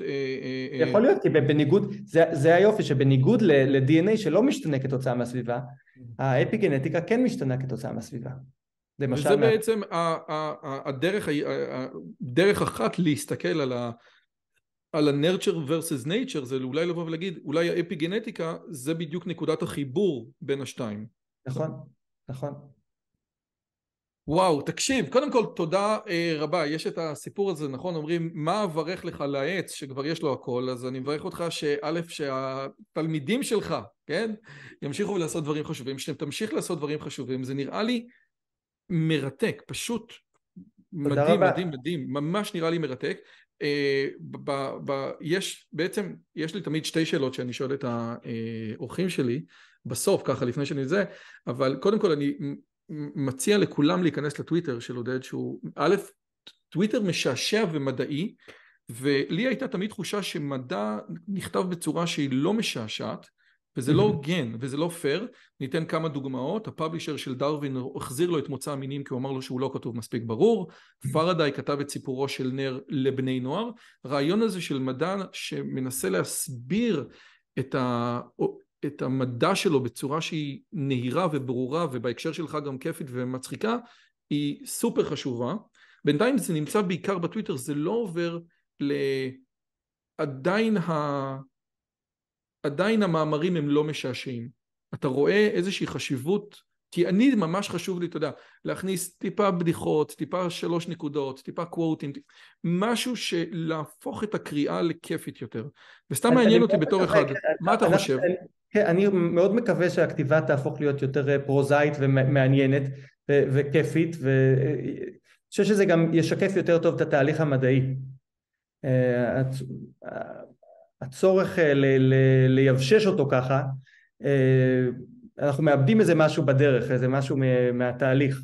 ואז, אה, אז אני מאוד מקווה שזה יקרה. אני מנסה, אתה יודע, להכניס למשל ב-reviews, תמיד איזה ציטוט בהתחלה, אפילו מצחיק או משהו, אבל זה עדיין לא פשוט. אני חושב שמה שיכול לשפר את העניין זה שהיום אנחנו בביולוגיה עושים פרי-פרינטס, אנחנו מפרסמים את המאמר. ב archive כאלה. כן, ובשלב הזה המאמר הוא שלנו, אנחנו יכולים לעשות מה שאנחנו רוצים. אז בנקודה הזאת אפשר, יש יותר חופש, ואני חושב שאחר כך יצטרכו אותנו במאמר, אתה יודע, אחרי שהוא כבר מתפרסם, אבל... אתה אומר שאתה תהיה editor, אתה יותר תחליק דברים כאלה. בטוח. אני רק אגיד לך שרנדי פאוש סיפר שהוא עשה, הוא היה פרופסור למדעי המחשב, והוא עשה שנת שבתון בדיסני עם ה Imagineering, הרשו לו לעשות כי הם עבדו שם על VR. והחבר'ה של דיסני אמרו להם, תקשיבו, בסוף השבתון אני צריך להוציא מאמר. אה, יאללה, בסדר, נוציא מאמר. והוא מראה לבעל הבית של ה Imagineering את המאמר, ואומר לו, תקשיב, זה נורא, זה נורא יבש, תשים תמונה. תשים תמונה, שיהיה כיף בהתחלה. קיצור, הוא שם תמונה לפני ה abstract. והם לא ידעו לאכול את זה. בעיתון, מותר לעשות את זה? אסור לעשות את זה? אה, אז שתי השאלות שאני שואל תמיד כל חוקר זה אחד, והיום, עושים את זה, היום יש graphical abstract במאמרים. נכון, נכון, נכון, כן. בדיוק היום, נכון, נכון. אה, אז יש ספר שקראת בחמש או עשר שנים האחרונות שגרם לך לראות את הדברים בצורה אחרת, שאתה היית ממליץ לבן אדם שהקשיב לשיחה שלנו עד כה, ואתה אומר, תקשיב, זה ספר שבאמת משנה חשיבה? יש המון ספרים כאלה, אני יכול להגיד לך את הספר האחרון שקראתי שהוא מאוד מעניין, קראתי, בדיוק סיימתי אותו שלשום, שזה הספר המלכות של עמנואל קרר. אה, זה הספר האחרון שקראתי, ספר מאוד מאוד מעניין, שסופר צרפתי אה, מאוד אה, מקורי ואולי זה יעניין אותך, הוא מספר על, על, על הוא, הוא כותב, יש לו סגנון כזה שמשלב ביוגרפיה ועם קצת fiction והוא מכניס את עצמו מאוד לביוגרפיה ובספר הזה הוא, הוא סופר מאוד חילוני שמספר איך לפני שלושים שנה פתאום הוא הפך להיות נוצרי אדוק למשך כמה שנים אה, ומה קרה לו בתהליך הזה. אחר כך הוא חזר להיות חילוני ומסתבר שבכל התקופה הזאת שהוא הפך להיות אה, נוצרי אדוק הוא, הוא תיעד את זה במחברות שהוא חוזר אליהם אחרי עשרים שנה אז זה ספר, זה ספר שקראתי אותו עכשיו שהיה סופר מעניין ורלוונטי. איזה יופי. זה שקראתי, יש המון ספרים ש... אמ, ומשהו שקשור אולי לתחום שאנחנו מדברים עליו, על הדברים, כי יש כל כך הרבה דברים בביולוגיה, יש, אתה יודע, בסופו כן. של דבר מוצא המינים זה ספר לא נגיש, לא כיפי, הוא, הוא, לא, נכון. הוא, הוא לא מתאים, כאילו יש עכשיו הדג שבתוכנו ומוצא המינים החדש, אבל מי שרוצה להיכנס לתוך העולמות האלה שהם כל כך מטורפים, איזה ספר היית אומר? אז, אז ספר אחד שהייתי ממליץ, שגם הזכרת אותו בקצרה, זה The Case of the Midwife Toad של ארתור קסטלר, שמתאר את הסיפור של אה, פול קאמרר אה, והניסיון שלו ושערוריית הזיוף אולי שלו אה, לחקור הורשה של תכונות נרכשות, זה ספר מעולה. ספר שני זה ספר הרבה יותר סטנדרטי, זה ביוגרפיה של סולסטון, זוכה פרס נובל שקיבל על C. elegans, שחקר C. elegans, על המרוץ לריצוף הגנום האנושי. זאת אומרת, אחרי שהוא, אה, אה, חוץ מהעבודה שעושה בתולעת על אה, הלינאג' של התפתחות תאים, הוא גם היה אחד מאלה שהובילו את המרוץ לרצף את הגנום, וזה סיפור של איך אוניברסיטאות מת, מתנהלות לעומת תעשייה, אה, אה, ובכלל סיפור מאוד, בדרך כלל ביוגרפיות של נובליסטים הן לא כל כך אה, מציגות איזו תמונה הרבה יותר אידיאלית של המציאות, פה זה מראה את כל המאחורי הקלעים ואיך באמת המדע מתרחש, וזה סיפור או, נפלא. והשאלה האחרונה, אתה עושה כל כך הרבה דברים, אתה פרופסור מן המניין בגיל 43, שזה באמת דבר... שתיים, שאלוהים יברך אותך. שאלוהים יברך אותך, יפה מאוד. האמת היא, היא מחשימה של ויקיפדיה, אמרה לי 43. אני לא יודע, אבל זה עוד מעט אז כנראה, לא? אה, בספטמבר, יש עוד קצת זמן. אז אני לא יודע, אני צריך, אה, צריכים לדבר עם ויקיפדיה. נו, עוד יותר, עוד יותר טוב, ברוך השם. ויש, באמת, זו עשייה כל כך מבורכת מצד אחד, וכל כך משמעותית מהצד השני, והשאלה היא, האם יש לך טיפ של פרודקטיביות, של באמת עשייה אה, משמעותית. אני, לא, אני אפילו לא מדבר על מה שאתה עושה בטוויטר, שהוא מטורף לגמרי, רק, ב, רק ברמת העבודה האקדמית. הטיפ שלי הוא, הוא, הוא שפשוט צריך לנסות ליהנות מזה. באמת, אתה יודע, אנחנו מתלוננים וגם אני חצי, שני שליש מהבדיחות שלי בטוויטר זה קיטורים כאילו על אקדמיה, אבל בעצם זו העבודה הכי טובה בעולם. אתה יודע, אה, זה, יש לנו חופש אדיר לעשות מה שאנחנו רוצים, אנחנו שולטים בלוח הזמנים שלנו, אנחנו כל הזמן מוקפים באנשים צעירים וחכמים. אז uh, פשוט ליהנות ממה שאנחנו עושים ולא uh, לדאוג כל הזמן או לא לחשוב מה אני צריך לעשות בשביל להתקדם ובא, ומה צריך לחקור כי זה אחר כך יציל את האנושות, לעשות, ללכת רק בעקבות העניין, זה באמת בשיא הכנות הטיפ היחיד שלי. איזה יופי. האמת היא, אני באמת לגבי הערוץ הזה מרגיש כל כך בר מזל שיש לי את האפשרות לדבר עם, עם, עם חוקרים באמת מהרמה הראשונה מכל העולם, שזה זכות, זה, זה, זה באמת זכות, לראות את ה... ראיתי את רשימת האנשים שהיו פה בפודקאסט, זה באמת אני המבלד uh, להיות חלק מזה. לראות כמה מוח אלוהים נתן לאנשים, זה כיף גדול. עודד רכבי, תודה רבה, שיהיה לך חג אה, פסח שמח, תמשיך לעשות מדע מרתק, היה תענוג. תודה רבה. ביי ביי. מה? כבר נגמר? אל תדאגו, יש עוד המון שיחות. למעשה הכנתי פלייליסט של כל השיחות עם המומחים, והוא נמצא כאן. פשוט תלחצו עליו. ואם עוד לא נרשמתם, תירשמו לערוץ, תלחצו על הפעמון, ותהיו חלק מהקהילה המופלאה שלנו. נתראה בשיחה הבאה. אם הגעתם עד לכאן, מגיע לכם כל הכבוד. אז תנו לי להגיד לכם שלושה דברים קצרים. הדבר הראשון, אם שמעתם משהו בשיחה שמעניין אתכם, שאתם רוצים לקחת הלאה, פשוט ספרו אותו לאנשים אחרים. משהו מעניין שאני אמרתי, משהו מעניין שהאורח שלי אמר, איזשהו רעיון שאתם רוצים לקחת איתכם לחיים, פשוט ספרו אותו לחבר או לחברה. זאת הדרך הטובה ביותר לזכור את הרעיונות מתוך השיחות האלה. הדבר השני, אם אתם רוצים לקחת חלק בקהילה שלנו ולפגוש ולדבר עם אנשים כמוכם, אתם מוזמנים לערוץ הטלגרם שלנו, שווה לכם מאוד. פשוט תראו עוד אנשים שמתעניינים מדברים מגניבים בדיוק כמוכם. והדבר האחרון, אם אתם יכולים, דרגו את הערוץ שלנו באפליקציית הפודקאסטים שלכם, זה יכול להיות בספוטיפיי, באפל פודקאסט או בגוגל פודקאסט, זה תהליך קצר של שתי שניות, הוא מאוד מאוד יעזור לנו להפיץ את הבשורה הלאה. שיהיה לכם כיף גדול וכיף בשיחה הבאה.